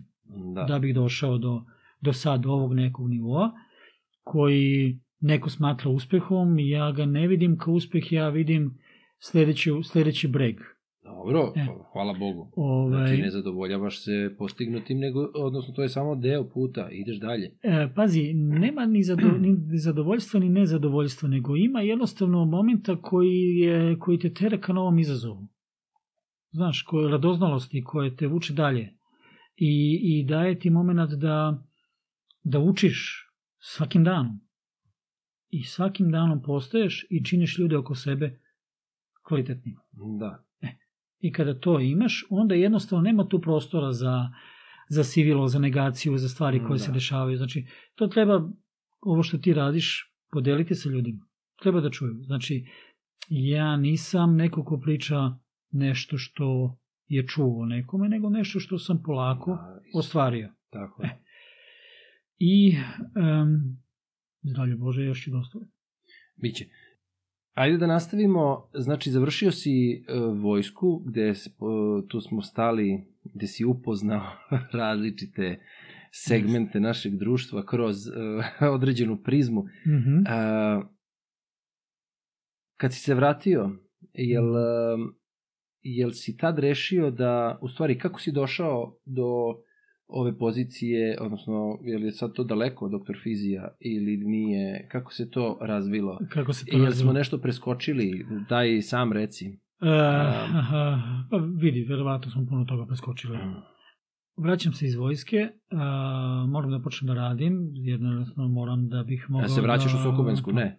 Ne vraćam se u Sokobensku, ugovor mi je umeđu vremenu Istekao, istekao, na moje mhm. mesto je primljen Dobro, neki, neko- neko, da. drugi i to je tako završeno. Mm, Ja sam im zahvalan na tom prijemu i na mogućnosti da učim, jer sam stvarno odabrao par učitelja od kojih sam učio puno, koji su trasirali moj dalje put.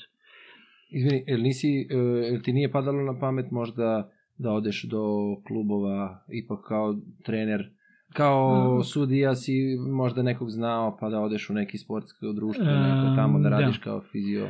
Vidi ovako, um, dakle ja sam tada viši fizioterapeut, um, to mi nije padalo na pamet.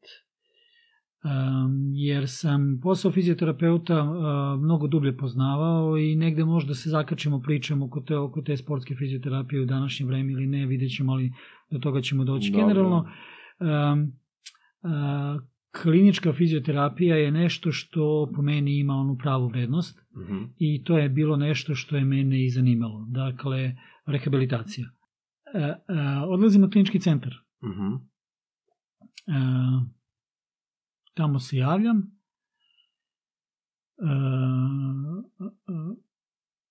tamo su se zaposlili već neke moje kolege sa škole i oni me prepoznaju, a oni radi u Sokobanjskoj, već je to bila neka onako referenca, znaš, to je, da se vratimo ono da sam birao učitelj i birao instituciju, birao sam Da. i da sam se potrudio da uđem u tu instituciju, makar kao volonter. To što sam, su me oni zaposlili i što je tada bio malo taj staž drugačiji, pa se neka kinta i dobijala, zahvalan da. sam, nisu morali. Um, počinjem da radim u kliničkom centru i u kliničkom centru, znaš šta, u kliničkom centru upoznaješ crvene linije. Vrlo veliko iskustvo, vrlo veliko iskustvo i vrlo veliko uh, U kom smislu? vrlo velika linije? stepenica na koju sam se popeo da bih se usudio da krenem u samostalne vode. Ti na kliničkom centru upoznaješ razliku između života i smrti, upoznaješ šta je to što smeš da uradiš, šta je to što nikako ne smeš da uradiš, i gde je ta tanka linija koja, sa kojim svojim znanjem možeš da preokreneš tok u pozitivnom pravcu Mhm. znaš, sa svojim znanjem i sa svojim uh, radom, zalaganjem i tako. I um, sa tom spoznajom i sa upoznavanjem posle doktora Mirloga Živkovića i KBO Medical Centra i hiperbarične oksigenacije Mhm. i svega toga što je to sa sobom nosilo, um, jednog velikog rasta i razvoja, stvarno, pod njegovim mentorstvom, nastaje profizija. Mhm. Nastaje prvo DR fizio kao utopija, kao ideja, Mhm. a iz DR fizija nastaje profizio kao ambulant. Mhm. Prvo odeljenje za, za fizikalnu terapiju HBO Medical Centra, koje je zajedno sa HBO Medical Centrom, slobodno mogu da kažem, mislim ja danas prikazujem na kongresima rezultate koje smo mi tada ovaj, imali u lečenju različitih boljenja i stanja, da ne idem sad u tom pravcu. Oni su i danas konkurenti, mi govorimo o 2004. godini kad sam ja počeo to da radim, 2004. 5. I dan danas su konkurentni ti rezultati i oni dan danas nose moju ideju moje prakse. Mhm. 2012. godine, sa 2011. godine se ja ovaj, upoznajem sa doktorom Džihanom Abazovićem, oni su sad otvorili BioCell bolnicu ovde u Beogradu pre par dana, fantastičnu bolnicu koja se bavi regenerativnom medicinom, ortopedijom, regenerativnom ginekologijom, estetikom i tako dalje, jedan fantastičan centar su napravili, sa vrlo, ne samo zvučnim imenima, nego sa kvalitetnim ljudima. Mhm. Ovaj, tada se upoznajemo, kako bih rekao, ta, ta metoda je još bila u pelenama i mi to krećemo da radimo. Ja u muskuloskeletnoj i u rehabilitacijnoj priči, on u svojoj priči. I ovaj, to je dovelo posle toga do recimo izlaganja mojih rezultata na nekoliko simpozijuma regenerativne medicine, što u Beogradu, što u svetu. Evo sad, pre par nedelja sam se vratio iz Istanbula sa trećeg, ovaj, trećeg kongresa Globalne regenerativne akademije Mhm. gde sam eto, bio sa ljudima i družio se sa ljudima iz vrha svetske medicine, muskuloskeletne i, i druge. Znaš, kada se to mi je omogućilo moment, to je sad još jedna od stvari da bi bio da bi bio bolji moraš da se krećeš među boljima. Da. I ja sam tamo najslabija karika i toliko sam počastvovan što, što sam tamo, da je to stvarno za mene jedno veliko, velika stvar, ogromno iskustvo, jer vi stanete i izlažete svoje rezultate pred stvarno ljudima koji su Svedočeni, ne znam, da, da, da, da. to, Na primer, dekan nekog univerziteta, medicinskog fakulteta, na primer iz Irske. Vlasnik velike privatne ovaj, klinike iz Atine. Isto tako iz Istambula. A, prethodne godine sam bio u Dubaju, pa su tamo bili ljudi iz Olimpijskog komiteta ovaj, Emirata. Uh, I, na primjer, sada oni svi ljudi znaju vaše ime. Znaju, Mhm. znaju, znaju moje ime. Da, da. Ljudi sa East Coasta, West Coasta. Dakle, evo, povezani smo na LinkedInu. Jasno, Imam pravo da ih pozovem, da ih pitam. Oni mene kontaktiraju ako ih nešto zanima. Znaš, to su stvari koje su, um, eto, za mene velika stvar. Naravno, otišao si na naredni nivo, praktično, Jest, gde, gde si sa svojim, sa svojim dostignućima sebi omogućio da možeš da komuniciraš, ono što si rekao ranije, Jest. sa ljudima koji su možda nešto duže u tome, ali si ti nešto njima, imaš šta da predložiš, odnosno Jest. sebe da predložiš sa svojim dostignućem, što je ta što svakako ne bi mogao da ne posjeduješ nešto što, što, imaš iza sebe. Jel tako? To je Jeste. ono što je važno. Ajde malo da razbijemo ovo, uh, kako se zove, uh, tvoju ljubav prema ronjenju. Da. E, moja ljubav prema ronjenju je e, isto, Ka- kako isto indikovana. Da, da, pazi, znači e, ja sam video taj svet onomad, jel tako, na, Na Savskom da. jezeru jeste, na Adi. I bio je prilično dalek, ali sam, kažem ti, trenirao sam plivanje, voleo sam vodu, čak sam dve sezone radio i kao spasilac na Adi, tamo imam neka zabeležena spašavanja i tako dalje. Mhm, mhm. Ali je to isto bilo jedno lepo, veliko iskustvo za, za mene. Da. I negde tu sam se još više približio konceptu ronjenja.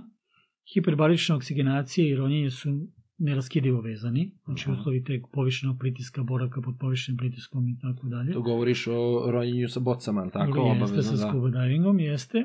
I polako kreće. Sad ću da ti se vratim na tenis. Ja sam mislio da nikad u životu neću igrati tenis. Čekaj, nisi mi završio ronjenje? Čekaj, čekaj, čekaj, Aha, čekaj, čekaj, okej. Znaš kako sam počeo da igram tenis? E, Ajde. Um, vlasnik jednog teniskog kluba je video moju ambulantu, žive u blizini i sišao je do mene da se upoznamo. Aha. I tu počinje naša saradnja, jer sam ja u sportu bio preko košarke jako dugo i sad tu neki moji sistemi evaluacije mladih sportista, praćenje mladih sportista i tako dalje se primenjuju u našoj košarci mm, prilično dugo. Ja nisam ih ja izmislio, izmislili su ih neki pametnijih ljudi.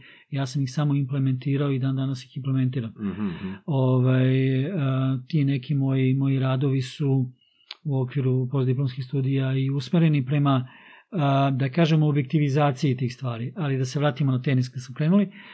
Kaže, znaš, ja rekao, vidi, ja ne- nekako tenisere smatram ljudima koji veruju za sebe da vrede više nego drugi ljudi i ja ne volim da radim sa njima.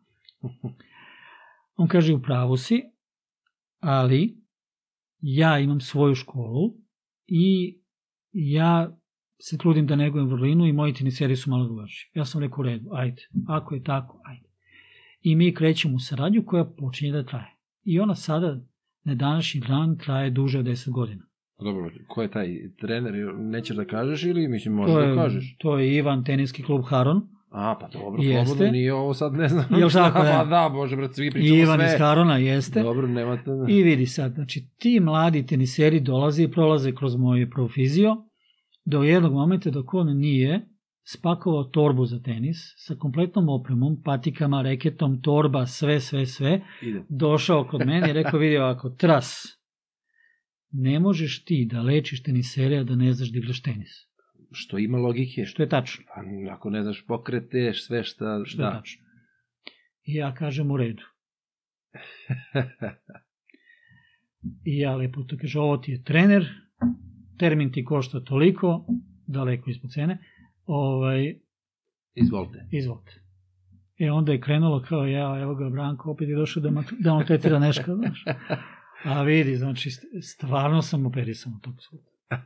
Evo sad, već neko duže vreme ja kao ulazim i sad kao nešto, ja tu kao nešto mogu Aha, aha. da pristojno istreniram, znaš, ali kao da odigram trenač, zato što je meni taj tenis legao kao sport, zato što je dinamičan, ovo, ono, i zato što ja dođem da se rasteretim mentalno. Da, da, da izudaraš lopticu. Jes, da izudaram Da. lopticu. Vraćamo se na, ovaj, na ronjenje, isto tako, doktor Živković dolazi i kaže, ba ne, nema smisla. da, kako ćeš, A, znam, znaš kako ćeš- da. Kako, kako ne znaš da roniš? Da, da, da. Vidi, meni nije bilo teško žabu u vodu naterati. Da, da, da. Tras. I tu sad kreće. I onda kreću te neke ronilačke ekskurzije, kreće ovo, ono. Čak mi se tu dešava i neki ronilački incident koji me, E, koji me samo vezuje za ronjenje još više, iako su ti ronilački incidenti ovaj, a, a, onako malo problematična stvar, koji me samo još više upoznaje sa samim sobom i dovodi me do tumačenja reči panika. ajde podeli to, molim te. Pazi, ako neću da pričamo o, isku, o samom iskustvu, Ali možeš, a, ako ovaj, može, voleo bi. Pa vidi, a, Mislim, ako tebi ne predstavlja Mm. problem, ali bi voleo da čujem, reću ti zašto posle. pazi, a, pazi ovako.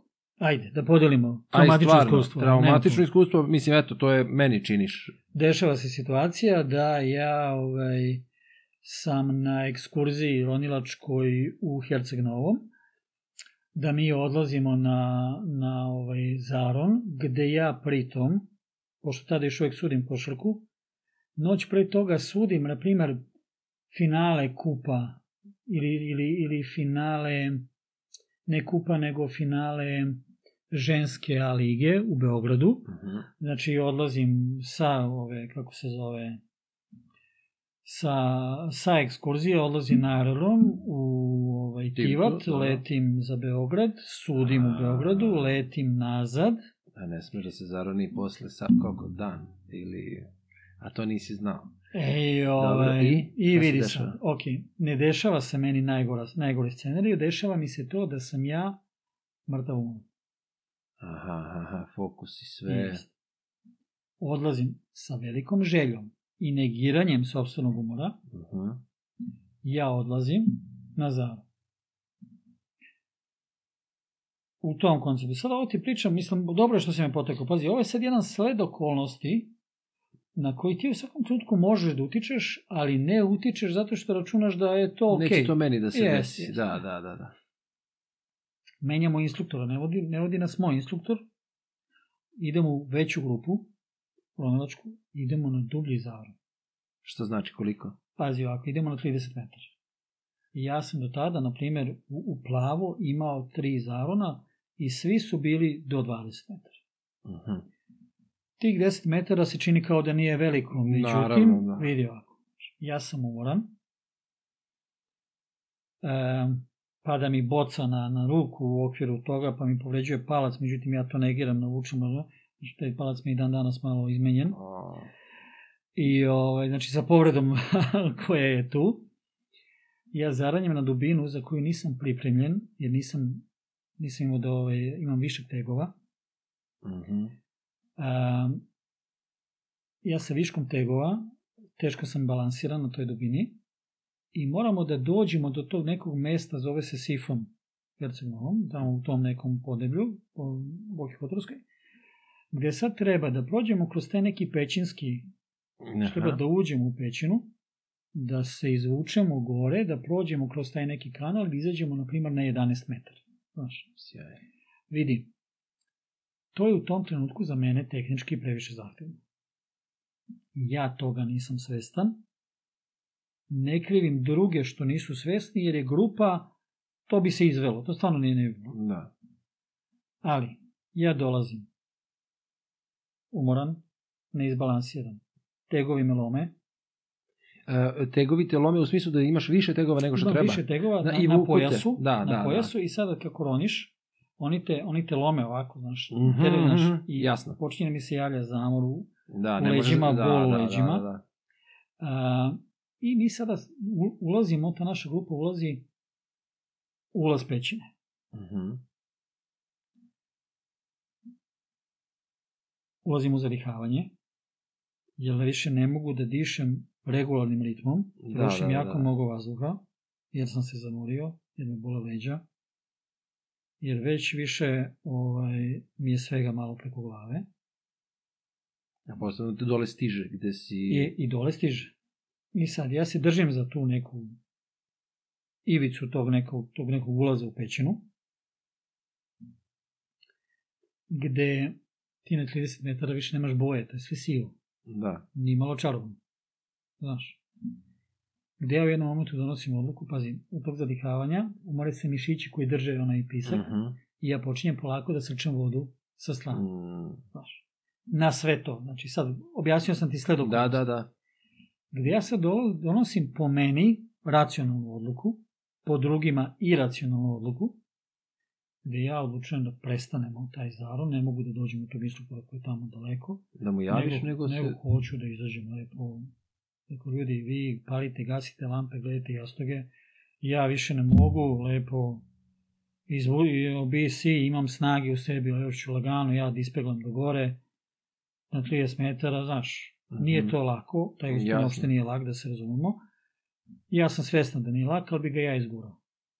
Ja se sklanjam od toga, krećem na gore, međutim, dva zabrinuta ronioca oko mene me spuštaju dole, ne daju mi da izlanim, i u tom nekome što ja pokušam da objasnim, meni se vadi i ovaj, Disaljka, dis, odnosno... ovaj a, regulator, Da. spada mi maska i ja ti ostajem dole na četiri bara, znaš, 1 plus 3, ovaj, bez izvora vazduha i toga da vidim samo blur, znaš, ne vidim. Da, znaš. da, da. Ove, gde u jednom momentu tog penušanja ja osjećam vodu koja mi ulazi u usta. Pazi, to je četiri bara vode, znači uzmi crevo. Mm, Znaš, ne? Ove, koje ja sad refleksom gutanja, znaš, štitim pluća. Znaš, mhm. Još uvek sam u situaciji da još uvek imam za, ovaj, Zapreminu, vazduha da, da, da. tu, još uvek sam svestan i sve to, komešanje se dešava i instruktor koji je ekstremno iskusan instruktor to vidi, dolazi do mene, znači ja držim tu poslednju, poslednju količinu vazduha u ovom uh, Plućima, da. plućima, da kad mi on bude stavio, kad me bude Da da vratili, izbaciš. da mogu da izbacim vodu iz regulatora, da bi mogao da idem gore. On to lepo, ja izbacujem vodu i počinje glad za vazduhom, nadisavanje, nadisavanje i mi polako da. izlazimo u, u ovaj, izron. Ove, trebalo mi jedno dan da dođem sebi, da, se razumemo. da. Ove, to je bilo ovako malo dramatična situacija, jer sam ja ušao i stres i u pothlađivanje. Kad uđeš u pothlađivanje, tebi telo krene da se nekontrolisano trese. Trese. I sada ti imaš jednog čoveka koji je prilično utreniran i prilično snažan, kaže, ljudi su me na, onoj, tr- na, onom, na onom krevetu u, u, u brodu, ljudi su me držali koliko sam stresu, nisu mogli dvojica, trojica da me zadrže, koliko je to bila ta mišićna aktivnost, posle koje sam je bio jako iscrpljen, znaš, to je bilo, trebalo je zagrejati telo, znaš. Da, da, da. U svemu tome to sve prolazi, Bogu hvala, dobro, Da. a ostaje trauma sutradan, pazi, nije bila trauma samo za mene. Za Bila sve, je pa trauma na, za sve da. ljude oko mene. Posebno za mog instruktora, koji je bio B ostatak planine zbog toga. Znači, dan danas kad se setimo toga, Uvek da. on pobeli. Ove, jer je negde on se osjećao isto, ove, Odgovornim, odgovornim, da. za mene i ta neka prijateljstva u tom ronjenju koje se stvore su stvarno Da, onako duboka. Da.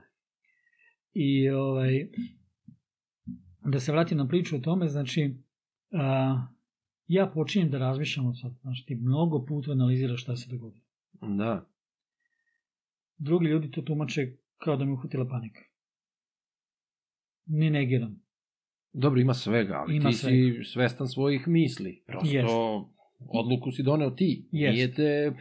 Dobro? I dolazimo do momenta šta je panika. Vrlo važna lekcija koju sam ja izvukao iz tog segmenta. Panika je strah od gubitka kontrola. Da. A drugo pitanje, da li mi zaista nešto možemo da kontrolišemo? Znaš, ili se upaljamo u petnih žila i gubimo gomilu energije. U stvari, vraćamo se na prilagođavanje, ono što si rekao, što je vezano za Yes. čitav život. Yes. Znači, suština priče je u toj znači, kontroli. Ti možeš da kontrolišeš donekle sobstvene postupke. Isplet okolnosti koji te okružuju i sve, svašta nešto, da. Ne, ne. Pazi, Ok, u da, suštini da. možeš samo sebe i sobstvene postupke ti da kontrolišeš. Da. ti možeš da napraviš situaciju oko sebe očekivanu, Da, znaš, ali nikad 100% sigurno. Razumeš? da. Svojim delovanjem od- da napraviš očekivano. Ne možeš sigurno.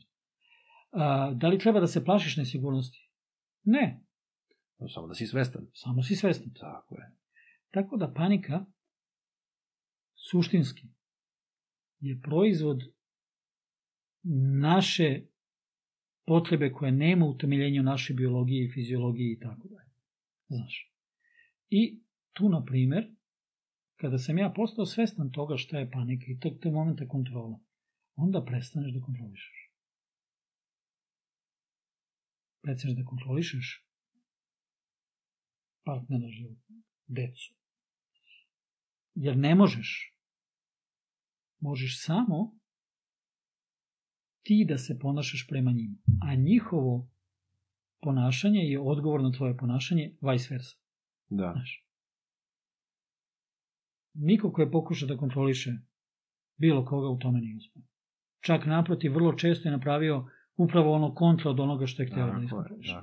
tako da je i to jedna od stvari koje posle meni omogućava ovaj, da, da evoluiram i tom odnosu, tom konceptu, znaš, međuljudskih odnosa i uopšte odnosa muško-žensko i tako dalje. Znači, koncept kontrole je nešto što ne postoji. Da. U stvari, uh, pobeda je tak što si shvatio da ne postoji. A ljudi koji nisu prošli kroz taj drill koji si ti sebi priredio, oni to... O, vidi, meni se desila slična stvar, ovaj, da te odmorim malo, a vrlo me... Um, snimali smo neki, neki film i e, ja sam rekao da umem da jašem, a da nisam dugo jahao. Ne bili dobio, što je Mhm. najgore, ne bili dobio malu ulogu. Čisto eto kao prilika, pa nikad ne znaš šta će prilika da, da, Jasno. da uradi. Sa šta je fora? Ja sam, ja sam univerzalac. I ja se brzo prilagodim svakoj situaciji. Ne kažem da sam odličan u svemu, ali Znači, i onda imali smo mi te probna jahanja, kratka, znaš, ono, kao dva dana, razumeš, i, ali dovoljno da ja naučim da se ponašam na, Mhm, na konju. I dolazi do toga da u trenutku kada imamo probani deo, probno snimanje, da konj kreće u galop, a ja u životu nisam Uh, bio u toj situaciji. Da. I to me, sad ovo što si ti pričao, ja sam to proživeo kroz moj subjektivni doživljaj toga. Znači, ti si bio u situaciji gde nisi mogao da dišeš i gde si, ne vidiš ništa, što kažeš blurovano sve. Ja sam ovde bio u situaciji gde ti je subjektivac ovakav da, i ti ono što vidiš, gde ti ne možeš da kontrolišeš Da, da, da, potpuno, konja. potpuno, i, jeste. Znači, skroz. E sad, ono što je dobro u svemu tome, to je, a ti si to pomenuo malo pre, tebe je to ponukalo da nastaviš da se baviš ronjenjem. Jeste, a i, ja, ok, nisam imao mogućnosti, ali ja nisam nastavio da se strašim i plašim konja. Ja sam i nastavio, kad god je prilika bila da jašem, ja sam išao ka tome da jašem. Mhm. Čak sam u jednom trenutku na nekom drugom snimanju sam ušao u mali galop, kontrolisan, gde sam shvatio da je to najlepša stvar na svetu. Mislim, i, i ono što si rekao, negde mi stoji da ja to moram da ponovim, Jeste. kad bude prilike, da je bukvalno najlepša stvar na svetu, to lebdenje, koje je to doprinulo na, na Mhm. setu je bilo na snimanju, u, u sred scene. Tako da, a, a, tako da potpuno razumem taj moment, ali, znaš, ne, ne može svako da ga doživi. E, čak i kad ga doživi, često se dešava da ga skrene, e, da, da te sputa, da, da, da, da, da ne ideš više ka njemu, nego da, da se sklanjaš od njega. Mhm, mhm. E, ja nema, ja pri, da, sam loše ti iskustvo, to. da, vrlo često ume da pobedi. Da, Da, da, e, umesto ja da nisam- Ti njega da pobediš. Da, ja nisam imao, to sam ti pričao ranije, ja nisam ronio sa bocom, Mhm. nikada, to mi je isto jedna od želja, biće, da će Biće, Bog. okej. Ovaj, ali kako se zove, ali na meni more bez ronjenja, bez na dah, odnosno to nije odmor, prosto to ne računam.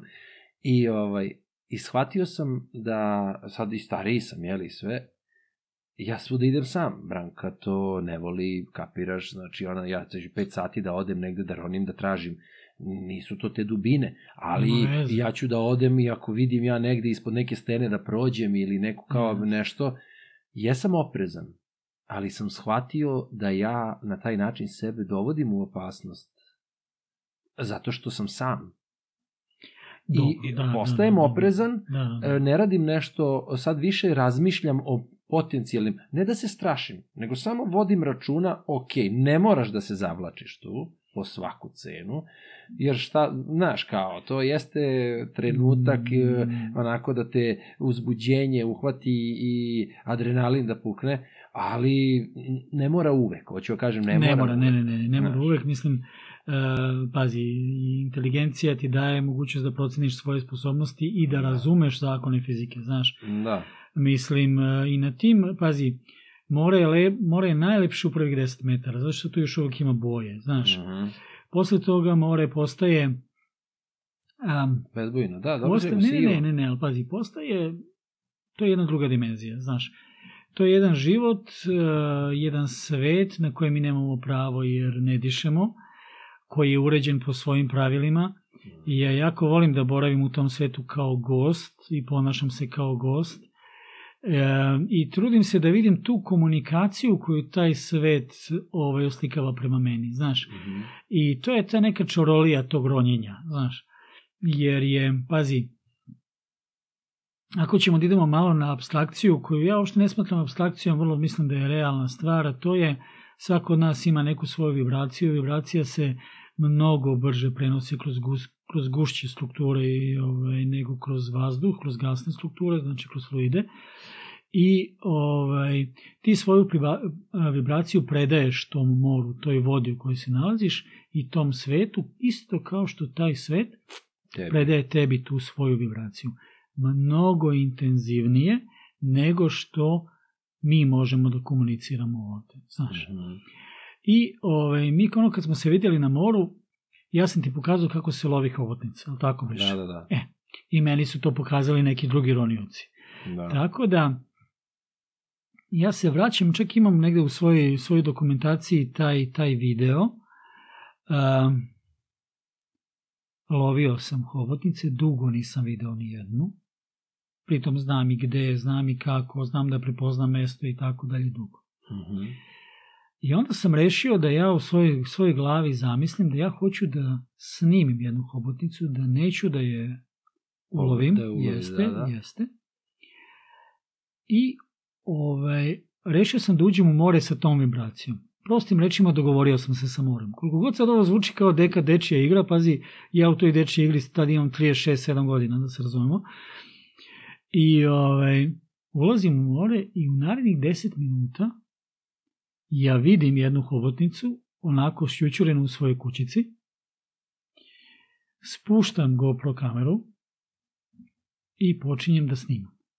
I taj video, ja mislim da je, da je da postoji još na mom YouTube kanalu ili nešto, mm -hmm. kako je u stvari se ta hobotnica igrala sa mnom, kako mi je more omogućilo da napravim taj snimak koji je bio u jednoj pozitivnoj vibraciji. Da, da, da, da. da. I ovaj, ostalo je, znaš, snimio sam i da. ostalo mi je kao iskustvo. Da, to sam skoro rekao baš i Dući, Dušan Varda, mm. ovaj što sam ti pomenuo, e, što je bio gost, njemu sam to rekao, ima na Netflixu taj film Moj učitelj hobotnica. Aha. Ako nisi pogledaj, pogledaj dokumentarac. Nisi. Dobro. Ali e, meni je on isto mene podsjetio onda kad smo bili na moru. Aha. Ja, mm, ja sada uvek kada odem, ja uh, uvek dolazim do toga, upravo do te, uh, znači ne idem na lov, nego mm -hmm. kao takav, nego samo na prepoznavanje. Dobro. Znači, uh, i kada, je, kada nađem pećinu, razumeš, odnosno kućicu ili već kako da ga da, da nazovemo, ili koje god da je biće, razumeš, idemo dotle da koliko može da se desi ta neverbalna komunikacija, a da ne bude straha. Yes. Znaš, i to je ono što je lepo. I posebno onda kad naiđeš na koral, odnosno kad naiđeš na mesto e, kao parga što smo bili, pa smo bukvalno svratili na dva sata kupanja i e, znači ja sam se resetovao u smislu, samo smo došli do stene i kada sam zaronio, to je bilo ono milion riba, živ svet, razumeš, yes. rekao kao, e dobro, znam zašto sam došao, znaš, kao, mislim, fantastično, skroz, bez, nema odmor, bez toga nije odmor, meni, bar meni govori, znaš, kao, yes. meni je to... I sada ćemo da, sad ću da idem dalje po pitanju ronjenja, da dođeš uh, neki moj vrhunac komunikacije. Mhm, mm primer neki? Uh, da, da, da. Evo ovako. 2018. godine odlazim na šaljem rad na ovaj uh, uh, kongres, međunarodni kongres fizioterapeuta Emirata. Mhm. Održava se u Dubaju. Prihvataju mi rad, odlazim tamo, izlažem rad i u, na marginama, kako je moderno reći, odlazim da obiđem te njihove molove i tako dalje. Mhm. Odlazim u Dubai mol, veliki akvarijum, ajkule i shark diving. A, Znaš. da, čuo sam. E. Kako sad to život namesti, to je čudo jedno, ali namesti.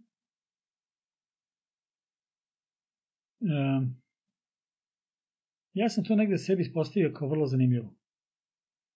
Kao jedno iskustvo koje želim da imam, da napravim shark diving. Pritom, ja nisam rođen na moru, svestan sam da ja ipak nemam te mogućnosti komunikacije da bih ja mogao sad idem na open water shark diving, Mhm, Znaš? mhm. da je to malo van trenutno moje vere u moje mogućnosti, što ne znači da, da ovaj, sada posle ovog iskustva možda to bude neko sledeće, Mhm. ali nekako sam a, kroz priču ćeš da, da, da, da ispratiš. Vraćam se u Beograd sa snimcima, sa idejom. U nekom trenutku dolazim u komunikaciju sa jednim lekarom iz, eh, iz Abu Dabija koji ima svoju neku grupaciju koja se bavi edukacijom medicinskom i koji hoće samo da napravi tu edukaciju u Beogradu. Mhm. Ja ga pozivam da dođe u Beograd, da bude moj gost na par dana, da, ovaj, da snimi situaciju, da vidi da li ta njegova, njegova, ovaj, njegov poduhvat može da zaživi u Beogradu. On dolazi, bio je moj gost, tu, eto, on i ja se nekako upoznajemo, kapiramo, između ostalog pričamo o tome kako sam ja bio u Dubaju, kako sam video i kako mi je to želja, on je to negde ovaj, prihvatio, kao ono stavio mali mozak. I dešava se prošle godine kongres u Dubaju, isto Global Regenerative Academy. Poziv Dubaj, sve, sve ono, vrhunski. Ja izlažem, u še, po našem vremenu u šest ujutru. Ja reči engleskog sam vukao, ja ne znam iz kog dela mozga, znaš, to je bilo, de, moje izlaganje je bilo prve posle, posle otvaranja, znači 9 i 15 je bilo, po njihovom vremenu, minus 3 sata, 6 i 15 po našem. Mhm. Ovi, znači ja uopšte ne radim. Izlažem to predavanje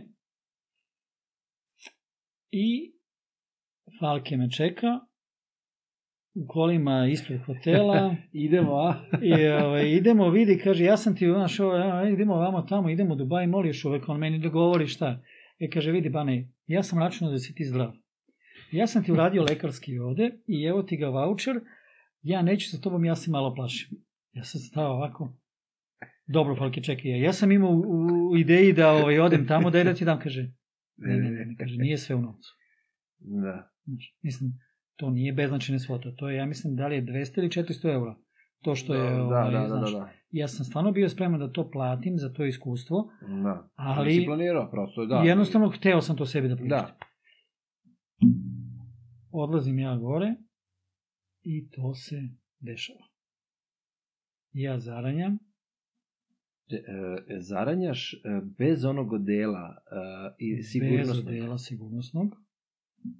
Kako oni to rade? Oni to rade tako što te prvo prvo te skeniraju mentalno, ti instruktori, da vide da li si ti, Psihički da li spreman. imaš da, da psihološku letiš. stabilnost da uđeš dole ili nemaš to. Da.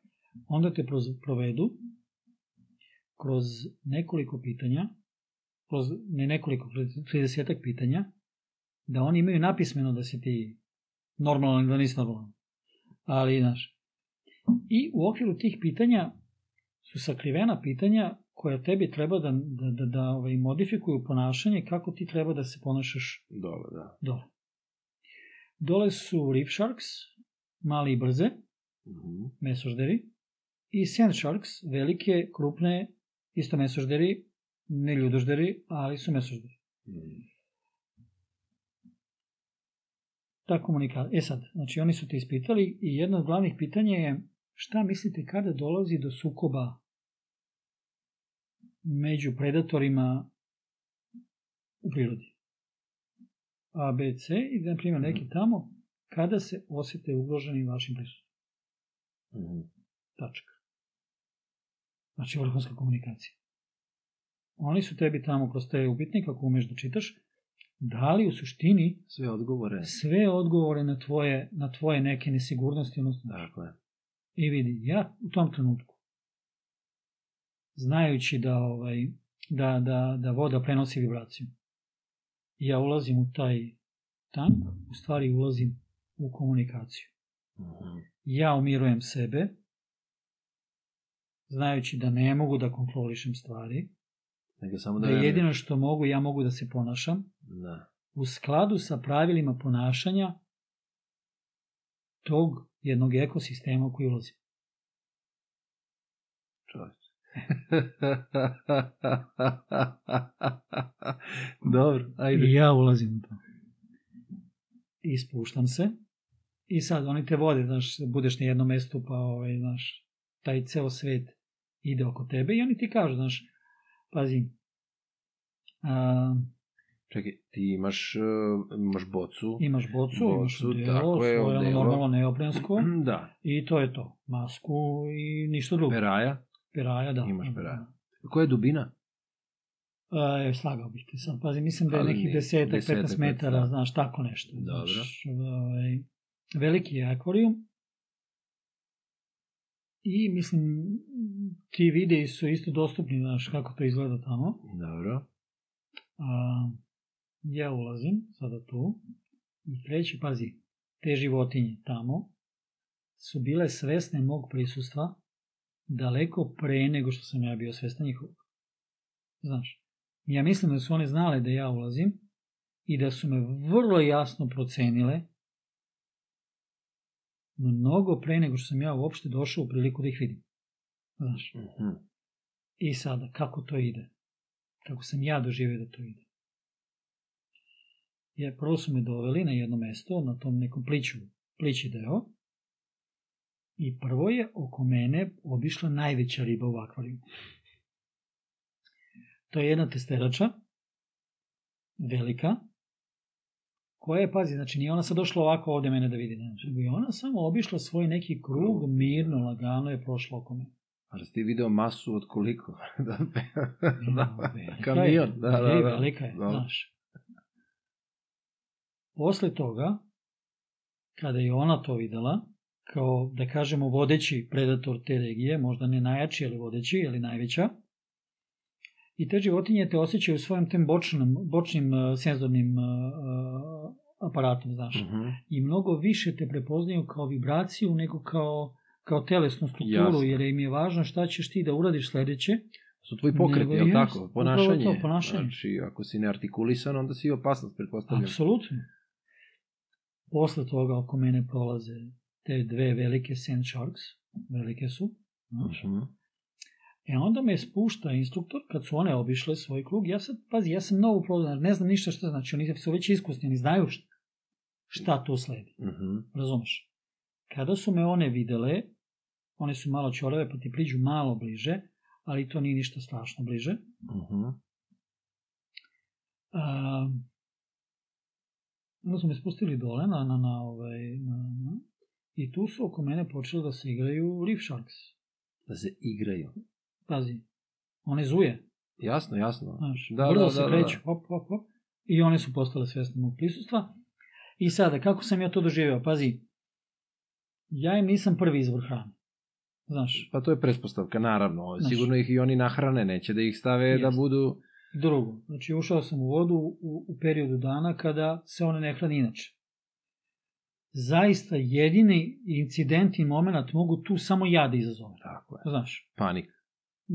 panika ili neka, znaš, kao sad ću ja da nešto se približim njoj i Da, tako. da, da, da. da. Ne, znači ti si došao u tuđi svet, I i ti- to. treba da se ponašaš u skladu sa tim svetom. E, Ja sam ušao dole i bio sam tu u tom akvarijumu, sam se ponašao u skladu sa tim svetom i uživao sam u predstavi koja je bila ispred mene. Znaš. I pazi sad situaciju. Mene je fiksirala, ako znaš iz nema, ono, u potrezi za nema, Da, e pa znaš Dori, onu ribu Dori. da, da, e, da. Njih je pun taj Dobro. ovaj akvarijum. meni se ta jedna Dori ovako fiksirala za masku, znaš. Ona je bila sa tim svojim nosem, znaš, pegavim, Da. i svim tim, znaš, ovako i dva oka ovako, meni u jedno, ako je taj zanuk trajao pola sata, meni je ona 10 minuta. Bilo u Bilo ovako, ka, znači ispred mene i gleda ona u mene. Ja se pomerim levo na levo, ja desno na desno. Pazi, ta riba je sa mnom, koliko god ovo sad zvučalo bez veze ili Blesava, kako god a? blesavo, znači ona je imala komunikaciju sa mnom, neku na svom nekom nivou. Ja sam iz nekog razloga bio ili zanimljiv, ili sam bio neka pretnja njenom jatu, pa je to bio muže koga ja nisam prepoznao, ali ona je meni bila tu. Znači, Da, neka barijera, komunikacija se nešto, tu tako dešavala, je. znaš. Koja je meni bila zanimljiva i meni je bila vidljiva. Mhm. Znaš, dešavala se tu komunikacija sa svom stranic, kao što smo rekli. Jasno. Ali su one meni u tom trenutku bile nevidljive, bili su mi kasnije kad sam sve i proanalizirao sve to što se dešavalo, to je bilo jedno iskustvo. Čekaj, I opet, izvini, komunikacija. Znaš, koliko mi nismo svesni sveta u kome se krećemo i komunikacije, odnosno vibracije koje šaljemo. mhm. Odnosno te naše neverbalne komunikacije, ko- koja je, priznavali im ili ne, tu prisutna. Da. Da, da. Samo Eto kažeš što je, pa da, odlično, nevjerovatno iskustvo. Ne, e, izađu tako na TikToku, na Instagramu, pa izađu sad, to je postalo neka moda zadnjih par meseci, ne znam da li si video ovi videi što izlaze sa tim kako ljudi e, preusmeravaju direktan napad Ajkula. Si video za to? Ono po nosu. Yes. Da li je to sad e, fora neka, da li je Ne, to sve montirano, ja kapiram da, ali imam utisak kao da je došlo do nekog sviča da je ljudska, ja, to je moj doživljaj, ne kažem da je Mhm. takav, izvinja, znači izvinjavam se ako govorim nešto što nije istinito, uopšte ne tvrdim ništa, Ne, ne, ne, nego to je samo iz svoje perspektive e, imam utisak kao da, da je prezupčen nivo komunikacije prema ajkulama kroz to. Da, kao da, da je neko od, iz ljudskog roda shvatio kako bi moglo da se spusti, smiri tenzija između ono, između predstave prema ajkulama koju mi imamo kroz filmove i kroz sve što se događa, Mhm, jeli? mhm. i onoga što se trenutno servira, mislim, kroz mreže. Ne kažem da je istinito, ne kažem da bi ja to probao. Imam koleginicu koja je putovala svuda, koja je bila, on, neko je skoro bio da li na Sejšelima ili nešto, pa je rekao da je, da je išao u te, ne na otvorenom mestu, ali kao raže i ajkule. Mhm. Ne znam koje.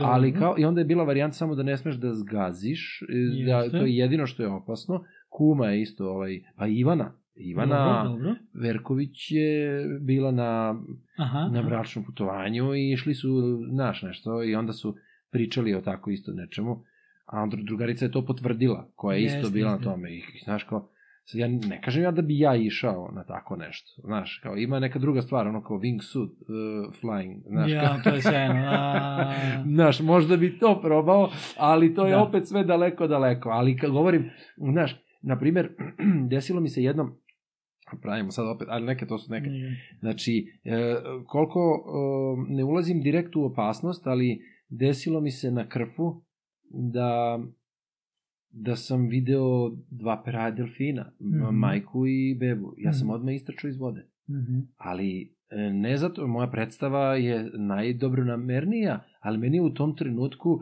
sam se setio, ne znam kog dokumentarca delfinima, gde su, ne znam, delfini sad pričaju, imaju svoju komunikaciju i svoje, gde mužjaci znaju da napadaju drugih, Mhm, iz drugih jata i tako dalje, da su jako brutalni.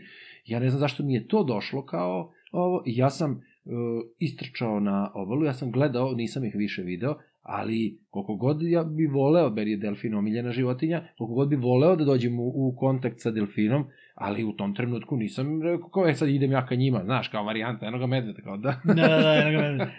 vidi. Um, a kada govorimo o ajkulama, um, ajkula je toliko dominantan predator u svojoj sredini, da ona kada je ti vidiš, ona hoće da je ti vidiš. Aha, Razumeš? da, da, da. da. Ako je ona rešila da ti budeš njen plen, ti je nećeš videti.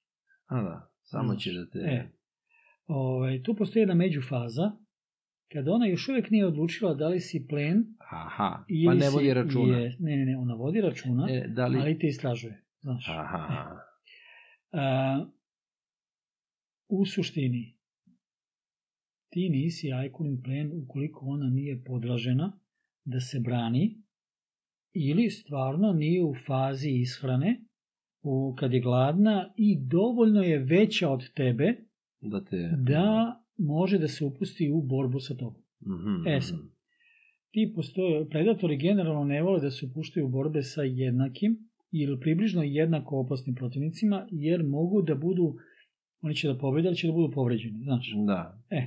Znači, Ajkola mora da bude sigurno, dakle, da na nekoliko nivoa odluke mora da bude tu pre nego što ona reši da Ne. postoji tu i taj moment uh, hormonski, kada je jednostavno, znaš, kao i u bilo kom drugom živom svetu, ovaj, testosteron blokira svaki, svaki neki racio, pa to. Znači, moraju stvari da se poklope. Da. Generalno, napadi ajkula na ljudi su vrlo redki, Da, da, da. znaš. I faza dana u kojima se dešavaju su predodređene, znači to je jutro ili veče, sumrak i to je Da. nešto kada u suštini ne treba čačkati mečku. Da, da, da. Um, šta nam se dešava tu sa tim okretanjem majkula? Ta priča ima dosta godina. Znaš, sa Mhm. tim uh, receptorima na vrhu nosa ajkule Mhm. i to nije nešto što je nepoznato u tim ronilačkim krugovima i uopšte ljudima koji se eto bave tim uh, podvodnim, uh, podvodnom biologijom i uopšte. Mhm. Uh, to je next level komunikacije Mhm. ali se zna gde se radi, kako se radi, u koje doba dana, u koje doba godine i sve to se pa, sklopi naravno. jeste i onda to izgleda tako čarobno kako izgleda na ovom na, na videima koje gledamo. U, a znaš. dobro, i sada je to dosta aktualizovano zbog količine videa koji se ovaj, plasiraju, tako da izgleda tako magično. Jeste, jel? jeste. E sada, ti ljudi koji to snimaju znaju i gde će i kako će i nisu džabe, stvarno nisu džabe, ono, kada kažu nemojte ovo da radite kod kuće, mi smo profesionalci. Naravno, pa naravno. Ti imaš jedan video kada jedna tigar ajkula doplivava do jedne do jedne ove a, ženskog ronioca, kako god da se, Dobro. jel tako, a, koja stavlja ruku na njušku, ovaj, ajkula u toliko laganom prilasku, znaš, znači gotovo da hoće da ju vam stavi njušku. Međutim, ona nju sa tim toli, izdiže iz vode gotovo celu i spušta je nazad. Znači, tim laganim prilaskom. Da, da, da, da, da. Snaga koju te životinje imaju u vodi, koja je njihova sredina, je nama nepojemljiva. Jedan moj prijatelj je išao da lovi šarane na Skadarskom jezeru. Dobro. Pogodio je šarana, ali se ono ovaj, Probilo je. ne, ne, ne probilo ga je, ali je Harpun. harpunom, da, ali mu se ona um, Struna. traka, struna. Zaglavila, nije se odmot, odmotala skroz. Ovo je krenuo da Ovo je krenuo da beži. Kaže mi kao čovek koji je, vidi, iskusan lomilac, kaže, to je takva sila, on je takva zver, Da, pod vodom. Pod vodom. Vuko ga je, ha? znači njega on je pustio pušku, da, da, znaš, da. ali posle, znaš, stigo je on njega i tako dalje, da bio Dobro, stano da, ranjen. da, da, da. Ali u tom momentu taj impuls i tu snagu koju on osetio, to je, kaže, bilo neverovatno. Mm, da se uplašio. Da, da, da. Mi uopšte ne znamo te odnose sile koju oni, ti vodeni predatori imaju zaista u svojoj Da. sredini. Znaš, znači to je, mislim, majkola je dovoljno, ako hoće izaleti da te udari, ti si već dobio takvo unutrašnje prevarenje da ti ne možeš da se izvučeš ni podačkom mraku, znaš, Da, a ne da te ujede. Dovoljno da te udari nos. da. Tako da, Da. Hvala na ovim podvodnim ovaj, e, iskustvima. Ajde da, da vidimo gde smo ovde stali ili no, ovaj, kakvi su ti kakva je sad trenutna situacija? Ok, rekao si da si bio i u Dubaju i u Istanbulu Mhm. i te sa tim tvojim planovima. Pominjao si uh, to u Banja Luci, šta uh, završavaš te doktorske, je li tako? Odnosno, Da, da, postdiplomski, još uvijek nisam na doktorskim, jer, e, pazi, tu kod nas postoji ta razlika između strukovnih i akademskih bodova, koja je po Mhm. meni teško diskriminaciona. Ali je takva, tako da eto, ja sam morao da idem negde drugdje da se bavim postdiplomskim studijama. Da, objasnio si to, da. E, da. Nije važno. Pazi, e, Banja Luka, jedan prelep grad, prelepi ljudi, predobri ljudi, Mhm. toliko dobri da je meni neprijatno, jer ne mogu da mečujem taj koncept. Znaš, moram, treba mi vremena da se naviknem, Mhm. znaš. Nerealno. Prošli su kroz pakao, svi oni, što je od većine napravilo samo bolje ljude. Znaš. Nemoj da me plašiš, ja sam sve već video. Mislim, možeš se mrštiš do preko sutra, tamo su oni videli mnogo mrštavije ljude. Da, da, da. Znaš. Um,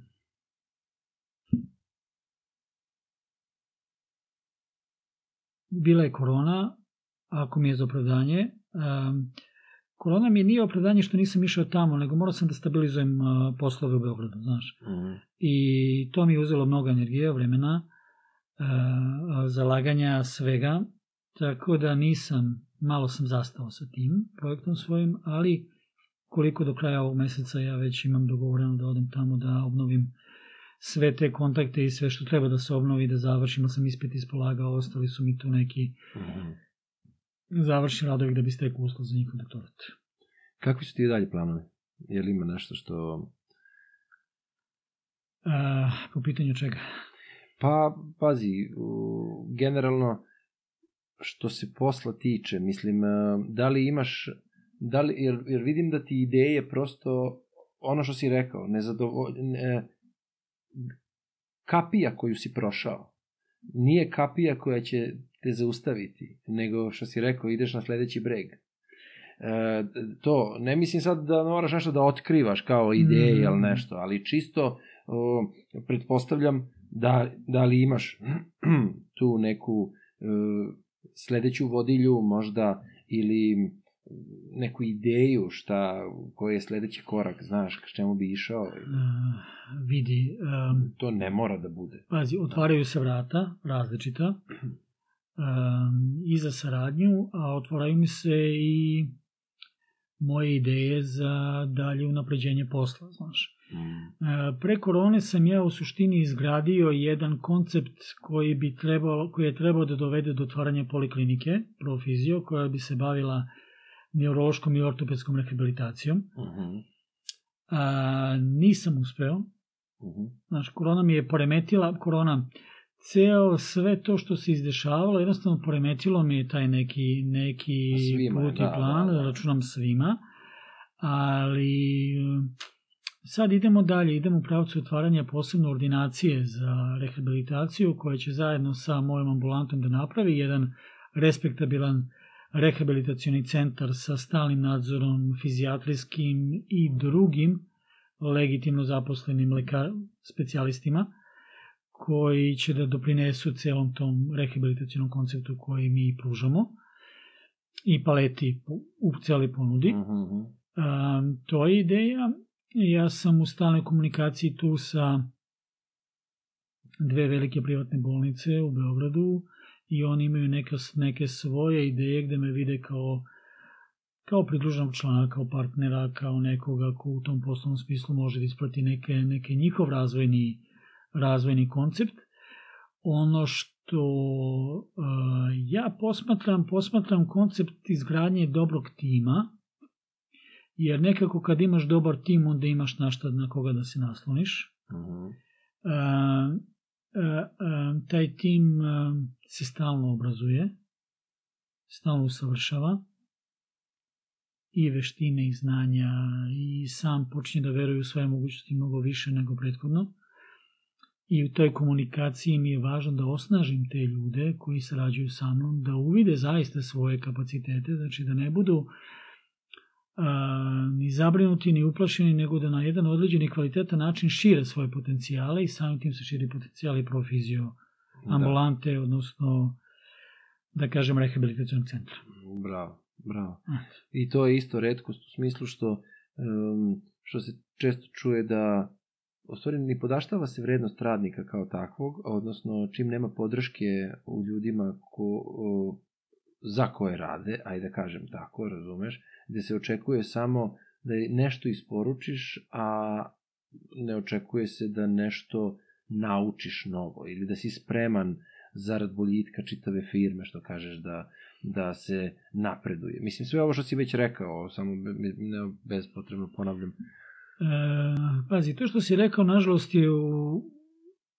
dominantno. Da. Nažalost je dominantno. Mislim da način na koji ja poslujem i na način na koji vodim tim je a, dobar način. Mm. Nije uopšte lak. A, ali rukovodilac mora da spozna um, jednostavno atmosferu i ljude i ciljeve ti ne možeš raditi sa ljudima i da ti pružanje zdravstvenih usluga bude, bude dominantna delatnost, a da imaš ljude koji to ne mogu da pruže jer su ni podaštavani, jer su nezadovoljni. Ne, da. Pazi, pa, da, da rasklimo to na nezadovoljstvo, znaš. Dobro, da. Um, prvenstveno ni podaštavani, objašnjavani kako nisu, nisu kvalifikovani ni za šta, kako za sve moraju da pitaju, kako, uh, znaš, to su stvari koje jednostavno nisu komplementarne. Znači, ti moraš da ukažeš i poštovanje i poverenje, to poverenje je, e, ne treba on da opravda, nego ti treba da opravdaš kao rukovodila. Znači, treba da mu daš način da nauči da bi mogao da sprovede to za što mu daješ poverenje. Ako mu daješ poverenje, a nisi ga naučio, onda ishod je vrlo jasan. Da, znaš. Da, jasno. Tako da je rukovođenje ljudima jedan ovako sveobuhvatan posao, poseb, po meni posebna nauka, ovaj, koja treba da se izučava polako. Da. Ma ne možemo da privedemo polako kraju, ja mislim. Možemo. Ali volim na kraju da pitam, ovaj, da nema slučajno nešto što nam je pobeglo iz radara, sa radara.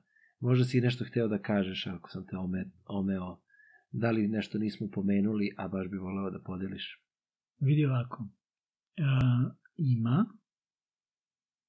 E, u celom ovome, celoj ovoj priči uh mhm. -huh. o kojoj smo govorili i o mojim, da kažemo, eto tako, ličnim i poslovnim uspesima ili razvojem ili budućnošću, a, glavni stub i razlog oko kojeg se sve vrti je porodica. Znaš? Da. E. Ove, ovaj, ja ću da se vratim, video sam skoro Nebojšu Dugolića koji je pričao o svojih petoro dece uh mhm. -huh. i o ljubavi koja je ima toliko aspekata da je to, ima pet aspekata u njegovom slučaju i pretpostavljam da je šesti supruga, znaš. Uh mhm. -huh. U mom aspektu takođe ima, je li tako? -huh. A, petoro njih i supruga koja je stup svega toga. I mislim da je, ako ćemo da pričamo o uspehu i o ostvarenosti, moja najveća ostvarenost upravo u tome, I ako ćemo da pričamo i o hrabrosti i o čemu god, opet ćemo da preslikamo na to i o svemu. Dakle, ta ljubav koja se deli i tim deljenjem umnožava, i ta ljubav koja sada ima svoje imena u tim mladim bićima, mm. To je nešto najvrednije. Tako je, pa zbog toga se i živi. Pa. Upravo to. Hvala ti još jednom što si bio gost. Hvala ti mnogo što si podelio svoje iskustva i nadam se da, da će pomoći i nekim mladima, da bude i neki svetionik i da razmišljaju pozitivno, da ne sumnjaju u sebe, da veruju da može da se dostigne neki cilj, sve što su zamislili i da ne postoji granica. E ako sebi zacrtamo granicu, onda ona može samo da, da možemo doći samo do nje, a ne da je pređemo i da odemo još dalje od nje. Hvala ti što si bio gostiš. Hvala tebi na pozivu. Vidimo se nekom drugom prilikom. Vidimo. Svako bi da radi samo ono što mu prija. Znam da nemoguće to je, zato moram utopija. Posejao sam seme, slušam, pratim da proklija. Da li je odgovor za sve probleme utopija? Utop, utop, utop, utopija. Podcast utopija. Podcast utopija, utopija. Utopija podcast.